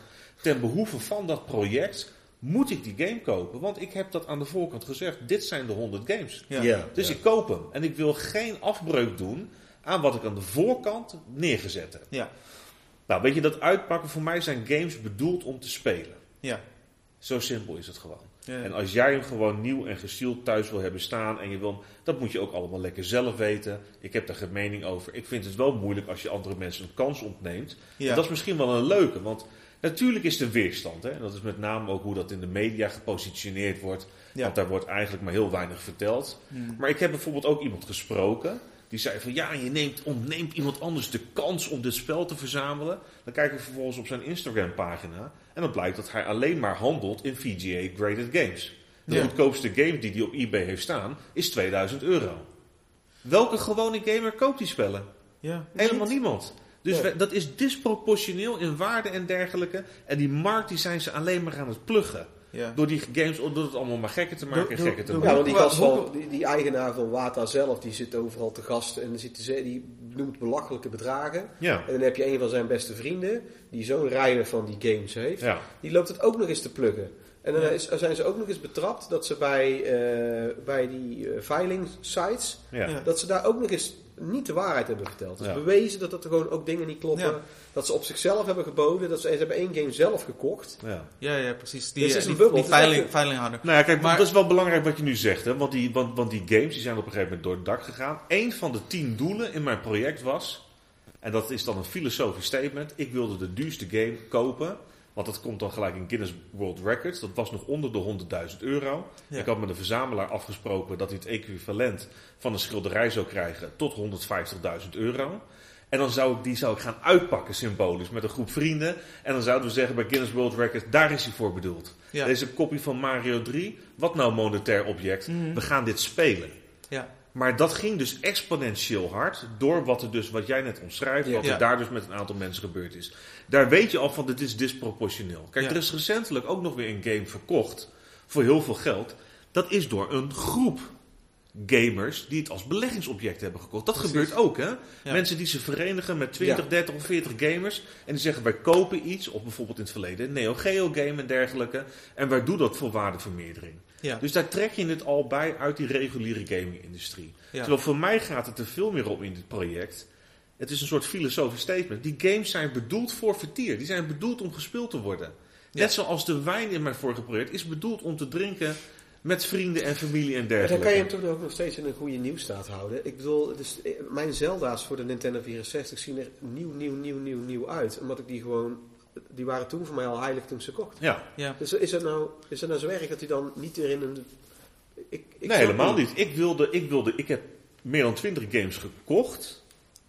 En die deden voor mij allemaal afbreuk aan de ervaring die ik had. Het zag er niet uit. Ja, ja. Dan kom je ook in een, je komt in een fase en ik ja, maakte, ik maak er een professioneel project van. Hè. Op een gegeven moment ga je van Peter de Gamer, ga je in één keer zeggen, oké, dit, wordt dit wordt mijn nieuwe traject. En dan moet je ook voor, als Peter, als professionele kunstenaar, moet je zeggen van oké, dan gaan we nu een stap maken. En dan maak je op een gegeven moment de keuze van dan koop ik die games nieuw. Want ik wil echt één op één die ervaring wil ik repliceren. Dan ben ik de veranderende persoon. En dan ga je vanuit dat oogpunt ga je handelen. En dan ik, kom je... ik snap het heel goed. Je hebt ook wel eens... Uh, je hebt bepaalde echt hele goede YouTube kanalen zoals uh, My Life in Gaming. Ja. En die maken dan hele professionele video's bijvoorbeeld. En dan zetten ze zo'n zo'n game neer met, uh, waar ze de camera omheen laten pennen of, of een console. Maar dan zie je soms gewoon vieze, smerige plekken op die dingen zitten. Dan zit je zo, heb je zulk, zulke mooie omstandigheden, schep je zeg maar, om die games te highlighten. En een beetje op een voetstuk te plaatsen en te verafgoden. Maar dan zie je dat, ja, kon je niet even die controller even schoonmaken. ik, vind het, voor, weet je wel. Nee, ik, vind het, ik vind het wel heel leuk dat je dit zegt. Ja. Want dit is een belangrijk onderdeel. Ja. Alle games worden met een 100 megapixel Hasselblad camera gefotografeerd. Precies. Alles wordt vastgelegd in een documentaire. We zijn aan het streamen met een krankzinnige setup. Ja. Er komt weer een fotoboek van, van 512 pagina's. Maar daarvan heb ik al gezegd, zo'n fotoboek komt gewoon ook als een gratis pdf voor alle gamers. Ja. Het is echt een project van een gamer in de gaming community voor andere gamers ook. Ja. Het is juist om al die bullshit ook eraf te halen. Ja, ja. En dat ik in de omstandigheid ben om hier een professioneel project van te maken. Maar ik vind dat krankzinnig. Dat die games allemaal zo exorbitant duur zijn geworden. En ik heb nog nooit een game zelf ingeleverd om daar een grading overheen te doen. Dat vind ik nooit, heb ik nooit relevant gevonden. Eh. Maar dit zat ook helemaal niet in de tijd dat wij aan het verzamelen waren in de jaren 90 en 2000. Dat, dit gebeurde helemaal niet. En we gaven ik ben, ik ben recentelijk nog naar een videogame shop geweest met twee vrienden. En dan laat je soms een game liggen op 5 euro. Ja. En dan zeg je, nou nee, dan neem ik alleen deze. Ja, Weet je, omdat je vanuit je gamerhart aan het kijken ja, bent. Ja. Maar nu, op een gegeven moment zeg ik van, ik moest die 100 games hebben. En ik wilde ze allemaal nieuw hebben. Dat is het project. Dat ethisch eh, fundament wat er ook in zit. Want ik heb ook wel de discussie gehad met mensen. Van toen sommige games zo duur werden nou, ik had er ook een paar weer kunnen verkopen. Daar kun je ook van alles mee doen. Maar dan val je dus ook weer voor die financiële component. Ja. Terwijl juist binnen het project wordt dat hele financiële wordt er vanaf gehaald. Ja, maar dan schiet je eigenlijk jezelf in je voet ergens. Dat is het. Ja, ja. Ja, en weet je, ik snap de weerstand, maar ik heb vaak het gevoel dat de mensen die gelijk weerstand hebben, die kijken niet verder dan hun neus lang is. En dat vond ik het mooie ook bij jou. Jij benadert mij en je wil eigenlijk weten van wat is hier aan de hand. En ben je wel een gamer? Van de Power Limited komen ze bij mij en ik heb een fantastische avond met Jurjen ook gehad. En die zegt ook van, nou begrijp ik het. Tuurlijk, er zit veel meer in. Het is niet maar even van ik, nou kijk, de traditionele media, die willen dit soort dingen allemaal roepen. En dat moet je ook begrijpen. Toen ik het eerste interview met het AD las, toen zei ik ook van dit is veel te hard joh. Maar ja, dat willen ze. Dat is een beetje stemmingmakerij. Nou, dan moet je kiezen. Wat doe je? Wil ik wel communiceren en dat je dus een bereik hebt? Of zeg je van dat wil ik niet? Mm. Kijk, en ze liegen er niet in wat ze zeggen. Ze zijn wel cherrypicking aan het doen. En ik heb nooit gezegd van die game is 500.000 euro of wat dan ook waard. Ik zeg daar wordt het nu voor aangeboden op eBay. Ja. Dat is door dat exponentiële wat heel erg gestimuleerd is. En ja, dat is nou idioot snel in een korte tijd ook. Maar wat het wel zo is, ik denk wel, en dat vind ik wel het interessante, die jaren 80 en 90 is een magische tijd. Parallel die hele internetontwikkeling wat mainstream is geworden. Dat is ook iets wat resoneert in die tijdsgeest, waar we historisch ook op terug gaan kijken. Gaming is van toys, is het in één keer een van de grootste industrieën wereldwijd geworden. 180 miljard in de coronatijd. Met 40 miljard is het gestegen groter dan film en sport gecombineerd. Mm. het is niet meer weg te denken uit de maatschappij. Dus mensen zijn er op een andere manier over na aan het denken. Ja, het is ook... En de gekte zit erin. Het is een hoogconjunctuur, wijnen, horloge, auto's, alles duiken ze in. Mensen persen overal geld uit. Ja. Alleen het hypocriete, daar heb ik een verschrikkelijke hekel aan. Mm. Dus mensen die op een gegeven moment kritisch naar dit soort dingen zijn, terwijl ze zelf een verdienmodel hebben aan die games. Ja, ja. En dan denk ik van jongens, het is niet zo dat als een game 10.000 euro is, dat dat nog voor een gamer is. Dat is niet zo. Nee. En als jij die pushback krijgt, zeg maar, je krijgt die kritiek van, oh, de, je ontneemt iemand de kans om die game te verzamelen, graded. Ja, is gewoon niet waar. Zoals die is. Dat is heel erg backwards eigenlijk. Dat is ja, heel erg, Het is heel, heel erg omgedraaid. En um, dat is kritiek uit een hele dubieuze hoek. Dat is het ook. Maar weet je, en ik stoor me daar ook niet aan. Ik, ik vind de dialoog interessant. En ik vind ook Weet je, ik verschuil me ook niet. Hè? Mensen die mogen er van alles van vinden. En ik ga graag altijd de dialoog aan. Mm. Want trust me, dat heb je vanavond al wel gemerkt. Ik kan nog wel wekenlang doorpraten over gamen. En ik ben een echte gamer. Ik oh, ben daarmee bezig geweest. En het is Meer dan ik had verwacht eigenlijk. ja? Oh ja, oh, die, vindt het, nou, die, die, die, man vindt het leuk om... Uh, gamepoppetjes te spelen. Nou, je weet, je, nee, daar, maar, ik had dit al wel een beetje verwacht. Ik had, uh, het was alleen nog gemoedelijker. Het, het ging gelijk. Ja. We zaten gelijk te praten alsof we elkaar al kennen. Ja, ja precies. Nou, maar dat is, ik heb Michiel daar ging het nou, om met gamen. Michiel moet ik nou fysiek ook pas voor het eerst. Ik ken hem ook alleen maar... Dat meen je niet? Ja, ja. alleen via Instagram uh, kennen we elkaar. Maar, maar weet je, maar dit zit in die gaming community. En dat mhm. merk ik met Martijn en met Bruno, uh, waar ik het eerder al vanavond over had, merk ik het ook gelijk. Ik merk het hier ook vanavond. Als wij nu op een roadtrip gaan naar een game convention, is het super lachen. Ja. Dan heb je ontzettend veel storytelling en kun je daar een, een, een, een verzameling kopen of wat dan ook. Het is, maar, je moet onderweg wel naar mijn death metal band luisteren dan. Dat nee, maar dit is wel de intrinsieke motivatie in dat hele gamen en die ook in het project zit. Maar er is zoveel bullshit bij komen kijken door al dat dubieuze verzamelen en omdat mensen er echt een monetair product van hebben gemaakt. En dat trek ik er echt van af binnen dit traject. Ja, en je ziet het ook al een beetje op Marktplaats nou. Uh, dan heb je altijd al wel eens die, die, idioten die denken dat eBay hetzelfde is als Marktplaats. En dan de, dat ik uh, de enige was in maanden tijd die boot op zo'n Ninja Gaiden voor de Game Boy. Die zeldzaam is. Maar als ik de enige ben die 50 euro biedt en niemand gaat er overheen, dan ga ik ook niet uit mezelf nog hoger zitten natuurlijk. En dan kom ik op een gegeven moment vragen, wat wil je ervoor hebben? Ja, minimaal 300. Dan kom je aan dat bedrag. En dan ga ik op eBay kijken. Er staat één, staat er al heel lang te koop voor 300 euro. Ja. in een andere staat. Uh, en ook letterlijk, want die is in een ander land. En, uh, maar die, die, dat klopt helemaal niet. Die persoon ziet het helemaal scheef. En dit is dat nog keer 10. Ja. En het is, het, ik, wat ik vooral irritant vind, is dat je hem sealt. En dat je er eigenlijk voor zorgt dat dat ding nooit meer gespeeld kan worden. Dus dat hetgene waar je ervoor doet. maar het is ook hilarisch, want toen wij de eerste gingen openen nooit over nagedacht. Want ik zit dus alleen maar in die mindset van het is een nieuwe game. Dat heb ik afgesproken en ik ben snoeihard. De afspraken die ik maak, qua ethiek en dergelijke, die zijn, er wordt niet van afgeweken. Want het is al, al moeilijk uitleggen. Weet je? Ik ben een kunstenaar, ik maak schilderijen. Artistieke integriteit, ethiek en dergelijke, dat moet allemaal zuiver blijven. Dus ik ga vanuit de filosofie van het is een nieuwe game. Maar ik, ik kwam dus op het pad van die graded games. Omdat ja, soms was er niet een andere optie om te kopen dan dat.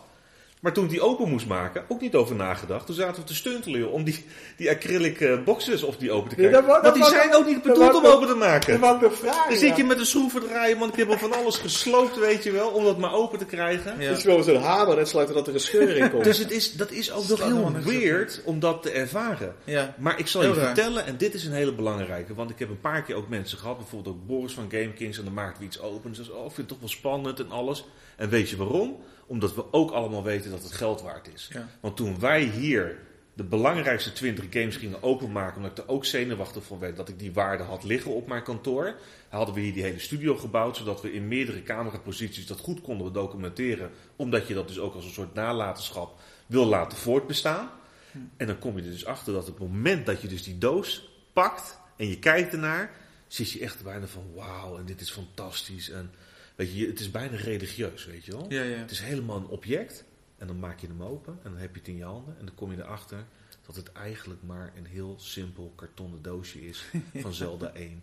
En een heel goedkoop boekje met hele slechte screenshots erin. En dat je toch shit geprojecteerd hebt op dat ding, omdat het prijskaartje eraan hangt. Ja. En die trekken we eraf. En die ervaring wat daar heeft plaatsgevonden, vind ik zo'n interessante observatie. Dat is super Want eigenlijk is het zo wat je erop projecteert. Ja, psychologisch. Ja. Het is, er gebeurt heel veel met nostalgie en algehele psychologie binnen dat traject. Ja, ze heb ik ook. Eh, ik heb die Symphony of the Night heb ik ooit een paar keer uitgeleend. En daar krijg ik nu bijna koude knikkende knieën van, zeg maar. Want ik had, wie weet, dat ik hem ooit teruggekregen of weet ik wat. Dan zou ik nou uh, ja. beduidend minder vrolijk zijn. Ja. uh, of duizend euro lichter, want dan zou ik hem gewoon weer gekocht hebben. Ja. Dat weet ik zeker. Maar die... Uh, maar wie koopt nou een game voor 20.000 euro? En ze worden verkocht hoor, want ik heb het ook wel een beetje bijgehouden. ik heb me ook goed, ik heb me ook goed ingelezen. Dat zijn geen Tenzij die persoon een museum wil beginnen of echt iets unieks ermee wil doen, zoals jij. denk, geloof ik echt voor geen meter dat er echte gamers zijn. Maar je moet het terugbrengen ook naar de maatschappij. In de eerdere podcast waar, uh, waar ik in zat, had ik verteld dat de game waar ik het meeste geld aan uit had gegeven was uh, Battle Garega op de set, Sega Saturn. Ja, shoot. Voor 220 euro. Alleen maar omdat ik die game zo graag wilde hebben, zo graag wilde spelen. En ik zag hem alleen maar in waarde stijgen eigenlijk. Ik dacht, als ik hem nu niet koop, dan is hij straks nog duurder. Uh, ja, ik heb 220 euro dat is om uit te geven. Ik weet het niet hoor, maar dat vond ik echt... Ja. Ook in mijn studententijd was ik ook nog wel eens een keertje wat aan het kopen of zo. Ja, en dan, maar, maar ik heb dat gaf ik echt niet zomaar uit. Nee, maar dat, was ook niet toen. maar weet je wat ik wel interessant vind? Hè? Want we hebben het over wat, wat, wat het voor waarde is en wat de intentie is van zo'n spel. En of dat spelen is. En we hebben het ook al gehad over bijvoorbeeld emulatie versus echt dedicated, gewoon original hardware spelen. Wat dat je brengt. Maar in heel veel van die verzamelingen wordt gewoon helemaal niks meer gespeeld. Nee. En wat, waar is dan de begeerte? Is het dan het hebben? Is het dan het, bezit? Het, het, is, het, het is voor mij veel meer de journey die ik nou meemaak. Ja, en wat ik met vrienden nou, nu beleef. En ook met vrienden die ik jarenlang niet meer gezien had. En dat we opnieuw weer bepaalde herinneringen weer beleven. Maar ook nieuwe mensen ontmoeten.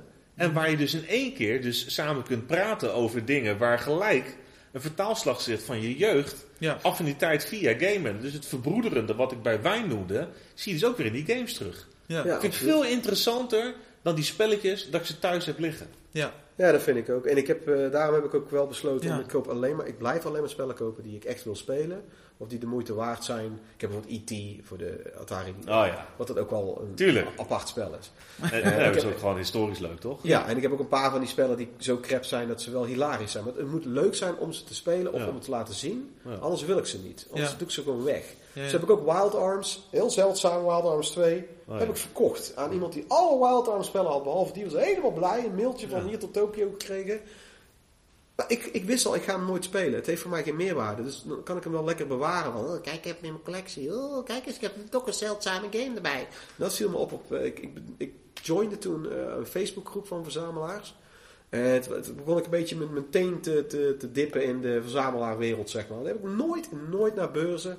Ik, ik was mijn eigen verzamelaar. Met een paar vrienden. ik, ik, heb er nooit mee bemoeid. Nooit op die manier benaderd.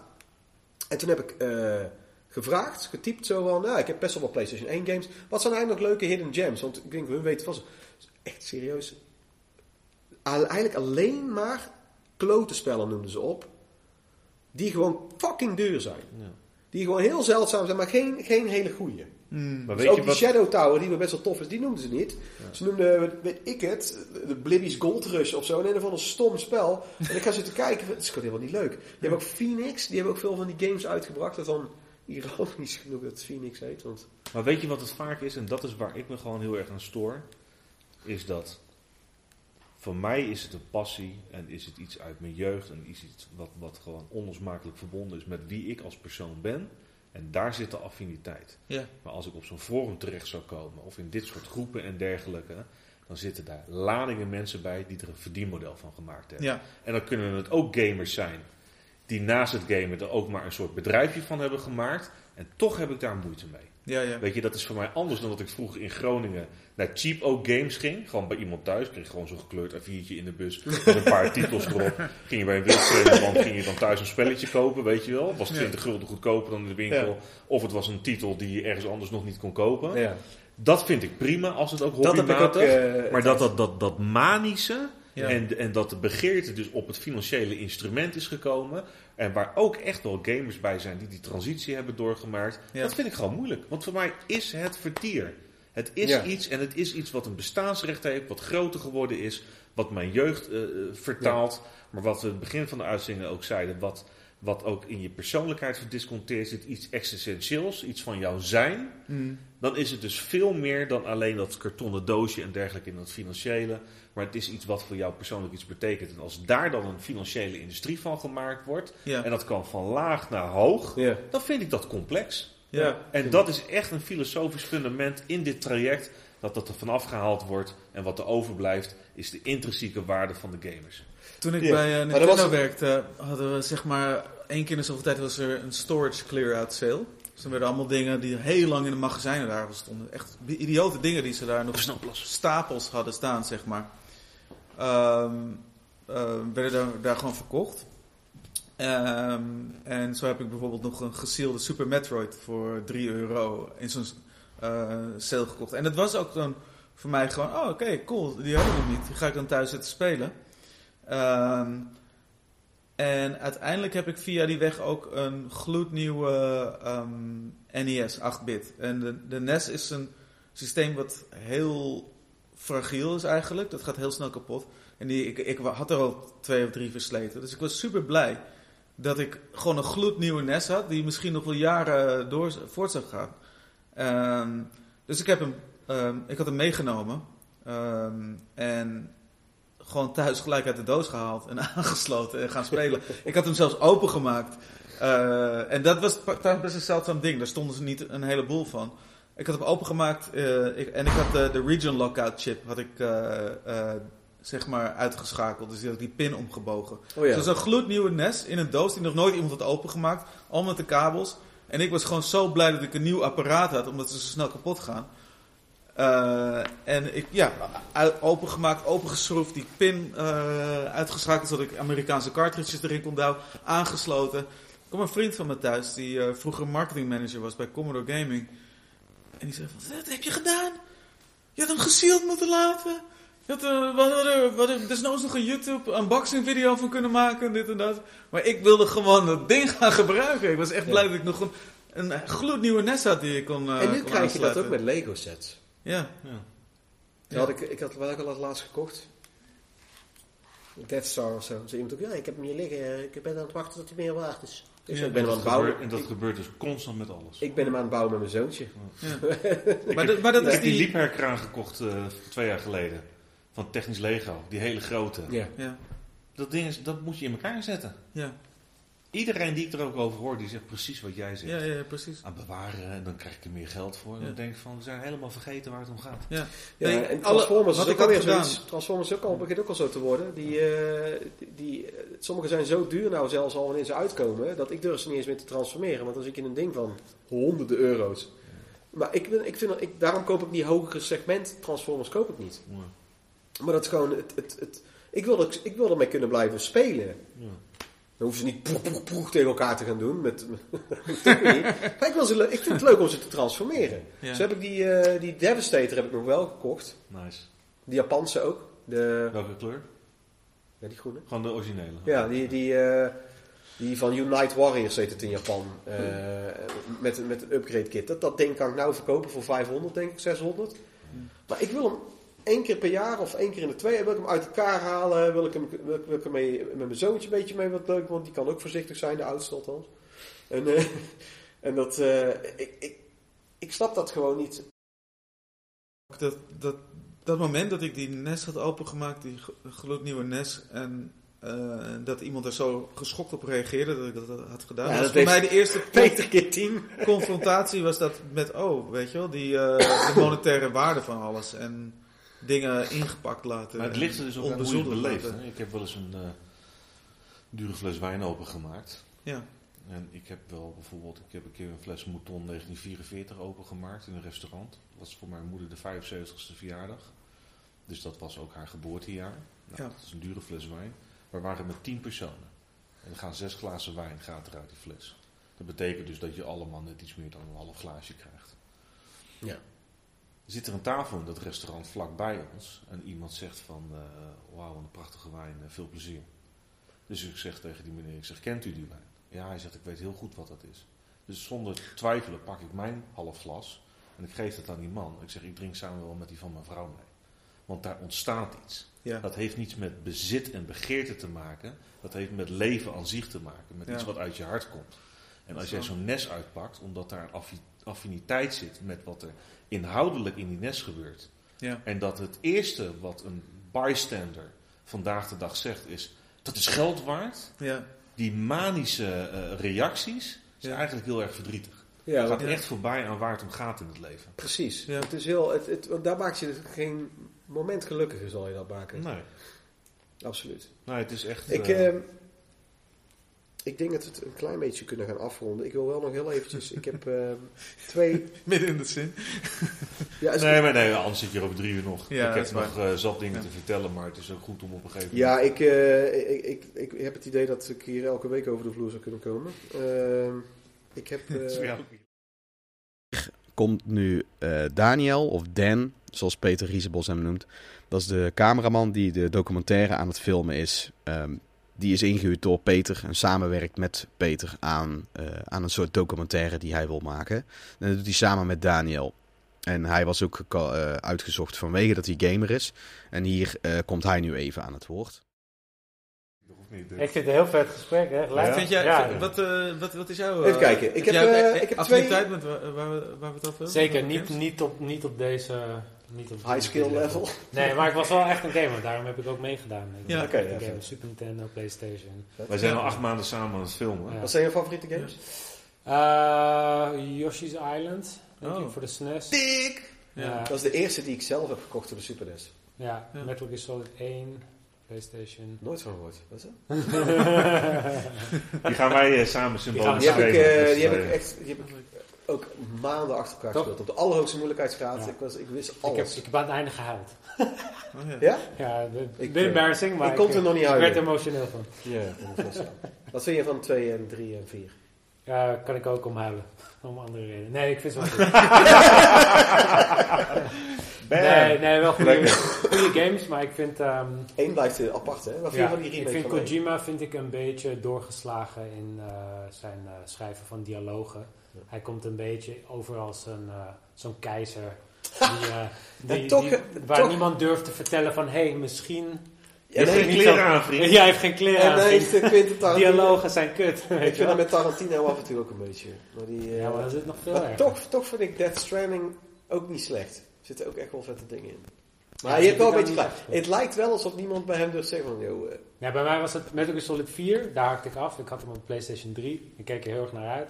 En ik moest een keer ergens naartoe en ik had een uur om te gamen. Ik dacht, ah, oh, precies een dat uur is een cutscene. Dat is alleen een cutscene. Precies, dus ik ging zitten, ik start hem op. Oké, okay, even kijken, even kijken, even kijken. Een uur later moest ik hem weer uitdoen en had ik niks gespeeld. En dat is voor mij gewoon een moment van, oké, dit is geen game maar, maar, dat is bij hem ook gewoon echt, hij wilde gewoon films maken. Ja. ja. Dat zie je ook met, met Snatcher, met al die eerste games.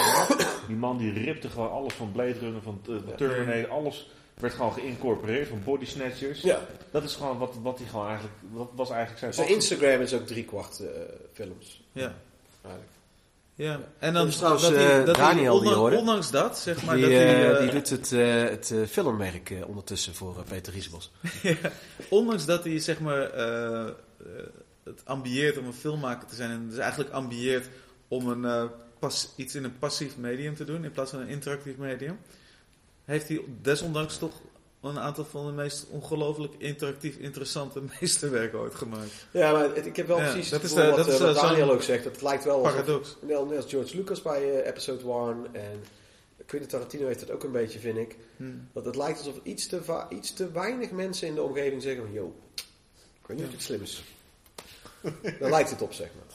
Ja. Niet, niet dat het poep is wat hij maakt. Want ik vind Death Stranding echt heel veel, heel veel hele vette elementen hebben. Heb je de making of van episode 1 gezien? Dan zie je dat ja, precies dat gebeuren. Precies, ja. Maar misschien hebben er ook mensen die dan uh, George Lucas aankijken. ja. Oké, okay, George, ik heb hem wel trouwens leren, ik heb hem wel leren appreciëren op zijn manier. Maar ik heb ja, twee, maar, uh, ja, kijk, aan, de, aan de andere kant... We gaan er nog twee punten doen. voordat we er niet uitkomen. Aan de andere kant is het wel zo dat misschien hebben dat soort visionairen het ook wel een beetje verdiend dat niemand ze meer tegenspreekt. En of het dan crash of goed Nou, ik zal je wat anders zeggen. En Daniel is getuige. Er zijn momenten, ik heb heel helder wat ik doe met mijn projecten. Ik heb een duidelijk plan in mijn hoofd. Communiceer ik niet altijd goed. Maar er zijn dingen waar ik gewoon echt ruksigloos en zeg van dit is wat we doen. Ja. En dat voel ik in mijn hart en ik heb het in mijn hoofd. En dan, I don't give a shit of dat de route is of niet. Maar ik voel, ja. en daar kan ik niet afwijken. Precies, en als je faalt, dan faal je. En als het geen succes is, of het, of het raakt mensen niet, dan is dat nee, maar het, is, dan is dat het, het is wel een zuivere vertaalslag van wie jij in je hart bent. Precies. En dat kan je niet aan morrelen, dat soort nee, nee, nee. Ja, daar ben ik het helemaal mee eens. Maar ik denk wel dat er, dat er nuanceverschillen zitten als je zo'n zo groot gameproject maakt waar duizenden beslissingen moeten worden genomen. Ja. En een heleboel mensen. Het is niet alleen Kojima dit in zijn eentje zit te maken natuurlijk.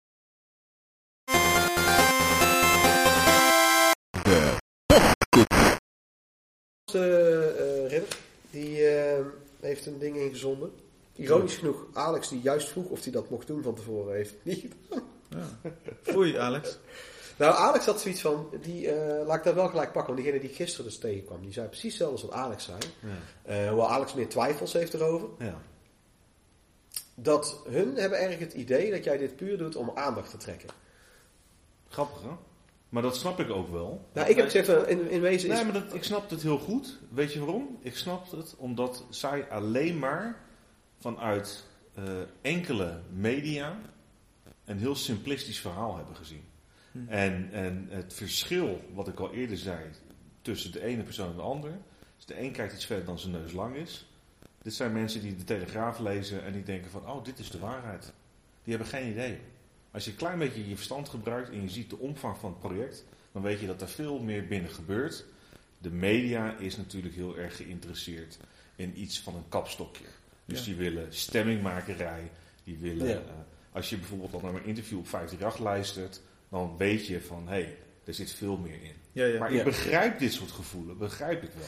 Ja, het is, het is uh, die eentje vond het zelfs eng, die ik gisteren sprak. Uh, ik, ik, weet niet of, die, of ik hem mag noemen, dus ik doe hem even anoniem. Ja, moet uh, van, ja, ik vind, ik vind het heel eng. Ik vind het heel eng, maar het is toch prima als iemand dat verzamelt. En toen zei ik gisteren al tegen hem. dit zijn maar wat vindt hij dan eng? Want 9 van de 10 keer nou, hij ziet het ook, hij ziet, hij ziet, het ook als... Uh, ja, ik heb, ik heb mijn laatste ook niet verder... Ik heb niet veel kunnen spreken. Uh, over het feit dat het denk ik ontbind wordt. Dat is denk ik een beetje het idee. En dat hij ziet even als iemand dat wil verzamelen hij zei, ik heb er in mijn collectie ook gesealed, die wil ik niet. Uh... maar hij, wat hij denk ik verkeerd heeft, denk ik, hij is er nou zelf niet bij, is dat uh, hij zou zelf ook een Nederlandse grading uh, dingen willen beginnen om te... Maar hij doet het wel vanuit de passie voor het preserveren. Nee, daar geloof ik geen zak van. Maar, daar geloof ik geen zak van. Zodra je gaat graden op de manier zoals het gebeurt, is het alleen maar financieel instrument. Want je kunt prima houden wat je wil en maak een verpakking voor jezelf of doe iets dergelijks. Dat, is allemaal, het is hypocriete bullshit is dit. Hypocriete bullshit en het is allemaal oppervlaktedialoog. Ga mij maar eens uitleggen wat bezit is en wat de relevantie van bezit is. Ik wil daar zo'n gesprek wil ik wel over aangaan. Want die mensen lopen allemaal in de oppervlakte. Die hebben vluchtig wat in de media gezien. En er is een automatische aversie. Maar ze begrijpen niet eens wat hun eigen argumenten zijn. En het preserveren... Maar eens in je filosofisch fundament. Ja, ik, wat er gedisconteerd zit in je zijn. Maar alles wat hieromtrent gebeurt met grading en dergelijke, is allemaal financieel gemobiliseerd, gemotiveerd. En het preserveren is ook raar. Want zodra je iets in een plastic omhulsel zet om het weg te zetten, zeg maar dan, is, dan preserveer je maar een heel klein aspect ervan. Je, je kunt het prima in een glazen vitrinekast thuis doen, zoals zoveel gamers. Ja. Zoals wij thuis ook deden. Dan kun je ze hartstikke netjes houden. Maar er is allemaal voor dit soort... Er zitten allemaal begeertegevoelens zitten erbij. Financieel gemotiveerd. Je kunt het prima voor jezelf doen. Ja. Alleen de vraag is ook met die gegrade games... Is het noodzakelijk dat die op deze manier gegrade blijven?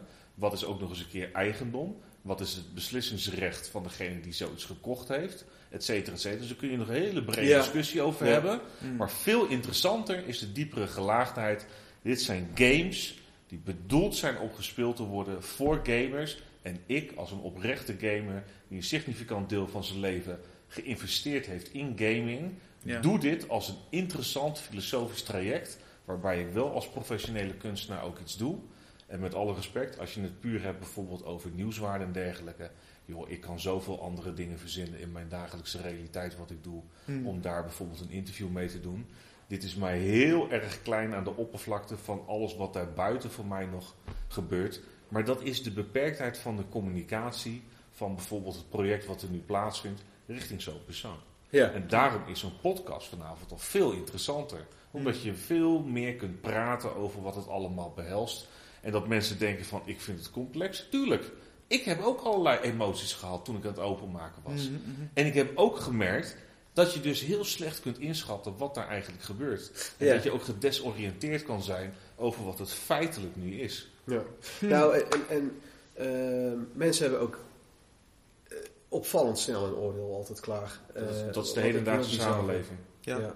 Het is heel erg disqualificerend. Ik zal je vertellen, ik was laatst was ik mijn Tetris schilderijen hier verderop aan het ophangen. We hadden een ruimte hadden we geschilderd, zodat die kleuren heel mooi op witte muren uh, kwamen. Was tijdelijk, mocht ik gebruik van iemand, voormalig premier Jan-Peter Balken. En daar kwam er samen over praten, vanuit de artistieke Maar die is fan van jouw werk, hè? Ja, en er kwamen twee oude dames langslopen.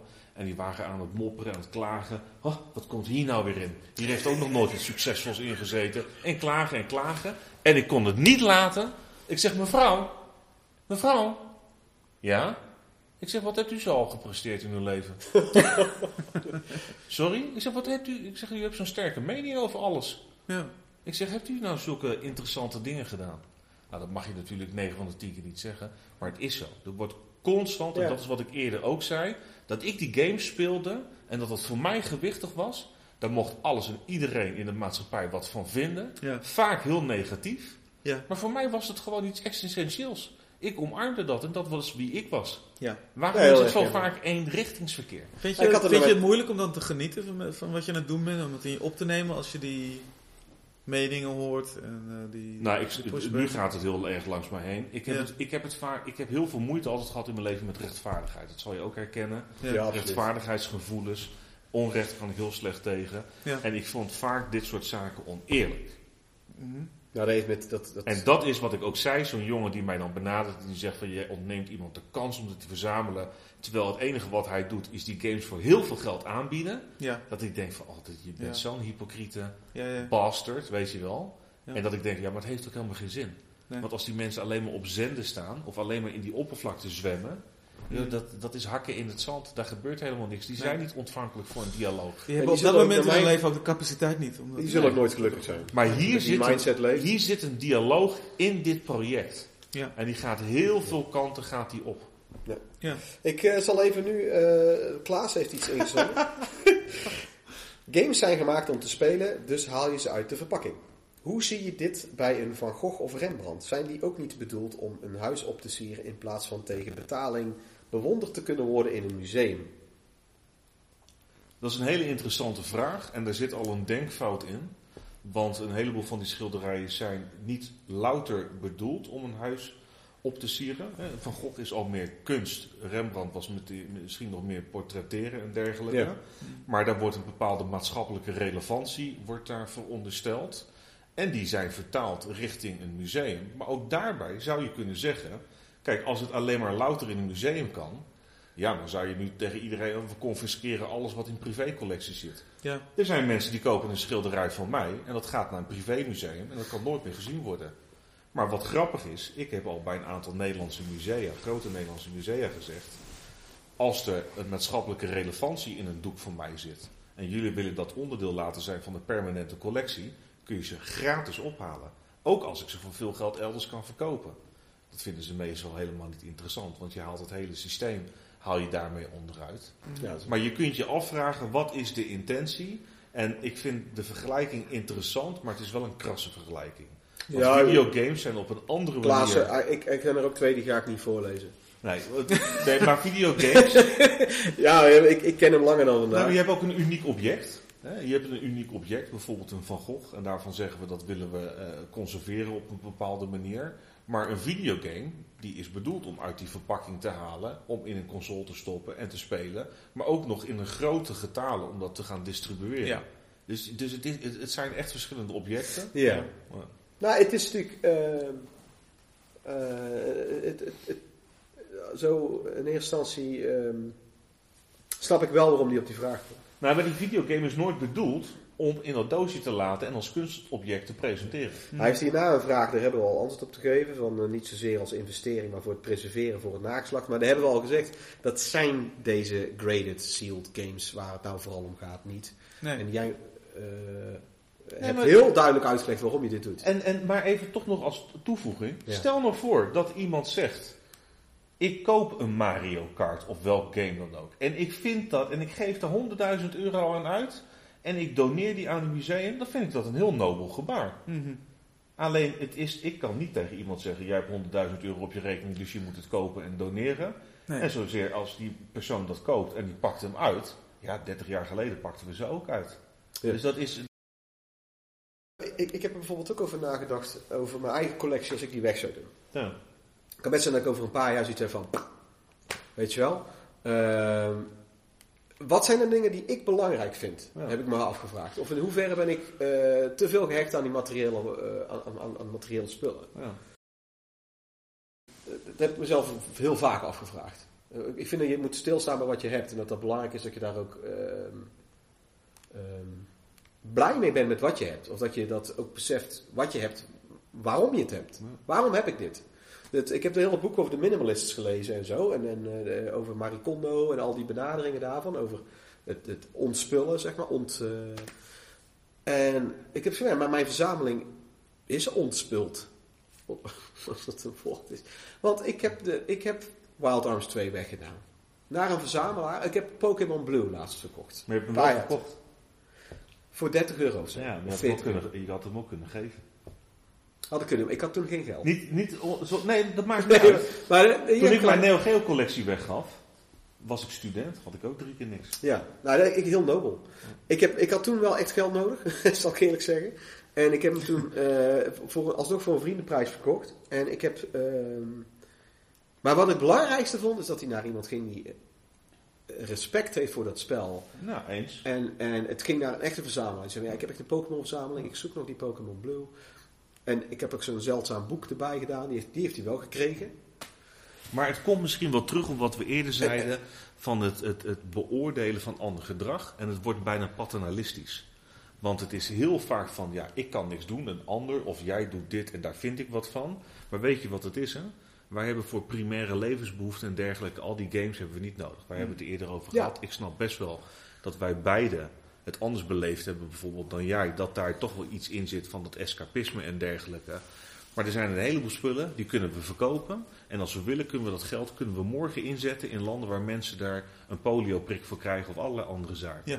Dus mensen die heel paternalistisch zijn, die probeer ik ook wel eens een spiegel voor te houden van jongens, pas op. Want vanuit een andere gradatie kan ik precies over jou zeggen: verkoop je auto maar, verkoop je fiets maar of wat dan ook. En we kunnen per direct dingen doen. Ja. Dus het is het, het, het gevaar zit hem in het steeds beoordelen. Ja. Terwijl ik tegelijkertijd dus in mijn hele project dat wel doe.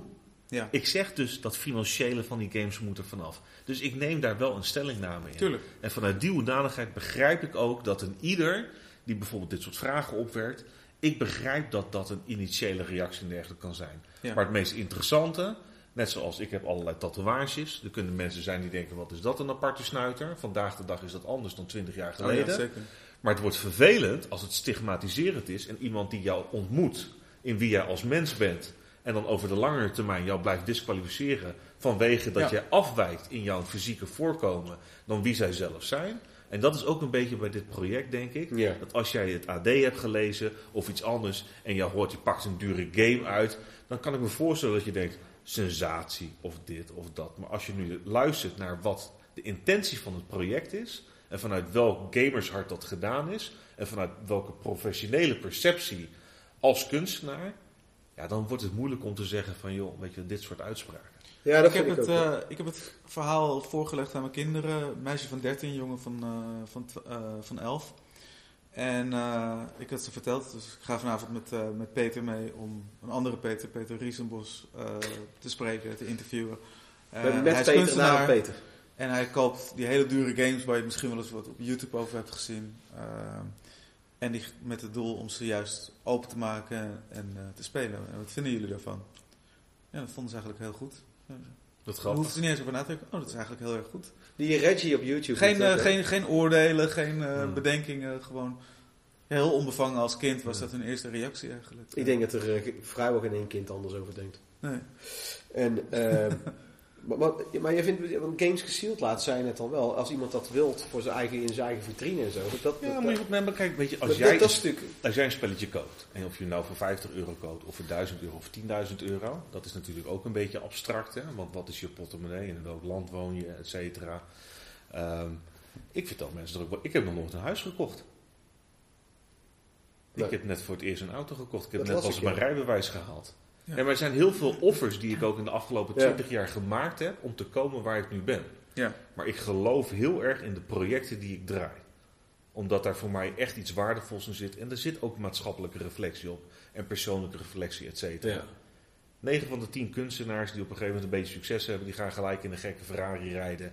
Of die gaan mm. gelijk allerlei andere dingen doen. Ja. Terwijl ik ben veel meer een reis aan het maken, waarbij ik ook probeer om mensen in mijn omgeving daar ook nog deelgenoot van te maken. Ja. Dus er komen hele andere emoties komen daarbij kijken. Maar het is iets waar ik voor kies. Ja. Er zijn ook mensen die denken van die vent die is gek joh. Ik had een mooi huis gekocht ergens in de Nieuwbouwwijk en ik had dit gedaan. Allemaal zaken waarvan de maatschappij dicteert van dit is een succesvolle route in het leven. Ik zeg alleen van je kiest ook gewoon daarin je eigen route. Ik vind dus als jij morgen een spel koopt van 1000 euro en jij wil dat als een soort gouden kalf wil je dat aanbidden op welke manier dan ook. Doe dat lekker. En als jij hem wil uitpakken, doe dat. Denk er wel over na. Ja. En kijk ook wel vanuit je hart van wat betekent dit voor mij. Ja, ja. En wees dankbaar. Wat jij net ook zegt, weet je wel, je kijkt naar die collectie. Ik ben mij heel erg bewust, iedere dag met de dingen die wij aan het doen zijn, dat je ook een stukje dankbaarheid mag tonen naar jezelf en naar je omgeving. En het feit dat het, nou, weet je, 52% van de wereld leeft onder de armoedegrens. Ja. Weet je, dat wij het überhaupt al hier over games hebben, zijn wel extreem bevoorrecht. Ja, dat zijn dingen die je allemaal in die algehele... maken over eten, we hoeven ons geen zorgen ja, Dus in heel veel, in die hele discussie zijn al, dit allemaal onderdelen die wezenlijk ja. Ja, gewichtig zijn om gewoon in, in, in, in dat traject te bespreken. En we hoeven ons geen zorgen te maken over als we niet genoeg geld hebben dat we heb ik nog dood, een, uh, doodgaan omdat we onze ziekenhuisrekeningen niet kunnen betalen. Ja, we hebben nog eentje van uh, de Buttonbashers uh, Forum. Wat trouwens Mooi naam. een positieve community is ook wel, over wat veel retro gaming uh, betreft. Had ik één reactie, maar soms dan, de vorige keer was ook tijdens de podcast druppelde er nog wel actie. Even kijken. Die heb ik ook gevraagd of ze een vraag hadden voor jou met een korte uitleg. Even kijken. Maar ik weet al over hoe hun over het algemeen denken. Maar ik heb het niet gelezen, dus het is voor mij ook nieuw, dus vind ik wel leuk. Het openen van Sealed Games om ze te spelen juich ik in principe van harte toe. Al moet iedereen natuurlijk vooral zelf weten wat hij doet en waar hij plezier aan beleeft in deze veelzijdige hobby. Wat mij betreft geen goed of slecht aan. Ik heb zelf niets met sealed games en graded games, heb ik nog minder mee. Ik snap de appeal er totaal niet van. Ik ben dan ook niet zo'n verzamelaar. De belangrijkste waarde die ik aan games, een game toeken, ontleen ik aan het spelen en het gespeeld hebben ervan. Hmm. Tegelijkertijd ben ik toch ook niet helemaal ongevoelig voor het waardeaspect van games. Als een game uit mijn collectie een grote waarde heeft gekregen, is dat leuk natuurlijk, maar dan krabbel ik mij toch een keertje extra achter de oren of ik de game dan wel moet houden als ik hem al uitgespeeld heb. Of er weinig meer mee zal doen. Of het heeft verder geen nostalgische waarde meer heeft. Uh, of het heeft verder geen nostalgische waarde meer voor mij. Dan verkoop ik zo'n game misschien toch liever voor een mooi prijsje om daar weer een nieuwe of om daar weer nieuwe oude games of andere dingen voor te kopen waar ik wel wat mee doe. Ja. Dus vaak instrumenteel, financiële waarde. Ja. Dus als middel om dus iets te doen. Ja. Dus dat gaat veel meer over de ervaring, maar toch zie je dat het financiële element is gewoon relevant. Ja. Alleen de mate waarin dat gebeurt en leidend is, hmm. ik vind het veel meer instrumenteel dan die fixatie op, op bezit en dergelijke. Ja. Dus ik vind het best wel heel erg mooi. Ja, die uh, Gallius, die reageert heel veel, uh, die doet ook... Uh, ja, maar ook gewoon wel doordacht. Ja. Weet je wel, dus dat vind ik het leuke. hij, kunt... denkt, hij heeft zijn denk duidelijk na. Over, ja, dat vind ik heerlijk. Ja. ja, over, ja. Dus, dus, dus er is voor mij niets zo heilig behalve de dialoog. Ja. En ja, wat je zegt, het is of uh, financiën als instrument, als, als middel. Ja. Of uh, net zoals een draak op een berg goud zitten. Ja. En, ja. Ja, ik, het, het, ik heb dan gelijk zo'n beeld van Dragon Slayer in mijn hoofd. oh, weet je, ik had eigenlijk de Hobbit. Uh, ik dacht aan Smaug. Ja, Smaug. Dit zou kunnen afronden ook. Ik uh, dank jou sowieso hartelijk, Peter. Jij bedankt. Het was bedankt. eigenlijk ja. te gezellig, bijna. Ja, dat was, dat was leuk. Ik, ja. uh, ik ga waarschijnlijk iets inkorten. En ik, want ik ben bezig met Patreon. Uh, zodat mensen mij daar een beetje kunnen supporten. Omdat het steeds meer tijd kost en meer geld. En uh, mensen kunnen mij al steunen vanaf 2 euro per maand. En waarschijnlijk komen de langere afleveringen nou op Patreon. En of ik doe korte snippets. Dus extra stukken die we daar bijvoorbeeld, die ik er dan uithaal. Dus de, de ja. En ehm, nou, dan wou ik iedereen die heeft geluisterd bedanken en iedereen die heeft gereageerd. Dus uh, alleen Gallius heb ik nou voorgelezen. En uh, Klaas, die er nou helaas niet bij kon zijn. En dan heb ik verder, kan je vragen insturen naar peter.retrogamepapa.nl Check ook anders de website. Volgende keer gaan we het, als het goed is, hebben over, over difficulty games difficulty. Dan gaan we het in de breedte hebben over uh, in hoeverre het wel of niet loont als een game moeilijk is. En hoeverre het ook wel niet nodig is. Uh, als core gameplay element. En hoe dat vroeger is en hoe dat nu is. Uh, in de breedte gaan we het daar als het goed is over hebben. En dan bedank ik nogmaals Michiel. Jij nog bedankt ook. Is dat bijna ja, vergeten. Graag gedaan. check ook zijn game. Schild, Shieldmate MX. Ja, het rolt helemaal je... lekker van de, van de tong. Maar dat is in de traditie van moeilijk uitspreekbare namen van Waar kan je die game ook alweer, waar kan je hem ook alweer vinden om te kopen? Itch.io, itch.io uh, komt die volgende week op uit. En dan daarna gaan we ons bezighouden met okay. papierwerk een, om het op andere platformen te krijgen. Ja. Ik zet een, uh, een link ook in de, in de, op de website zet ik een link. Ja. En dan, het is ook Schildmate, zo schrijf je het ook. Schild en dan M-A-I-D aan ja. elkaar. En dan de M van Maurice en dan de X ja. van Xenomorph. Nou, tot de volgende keer.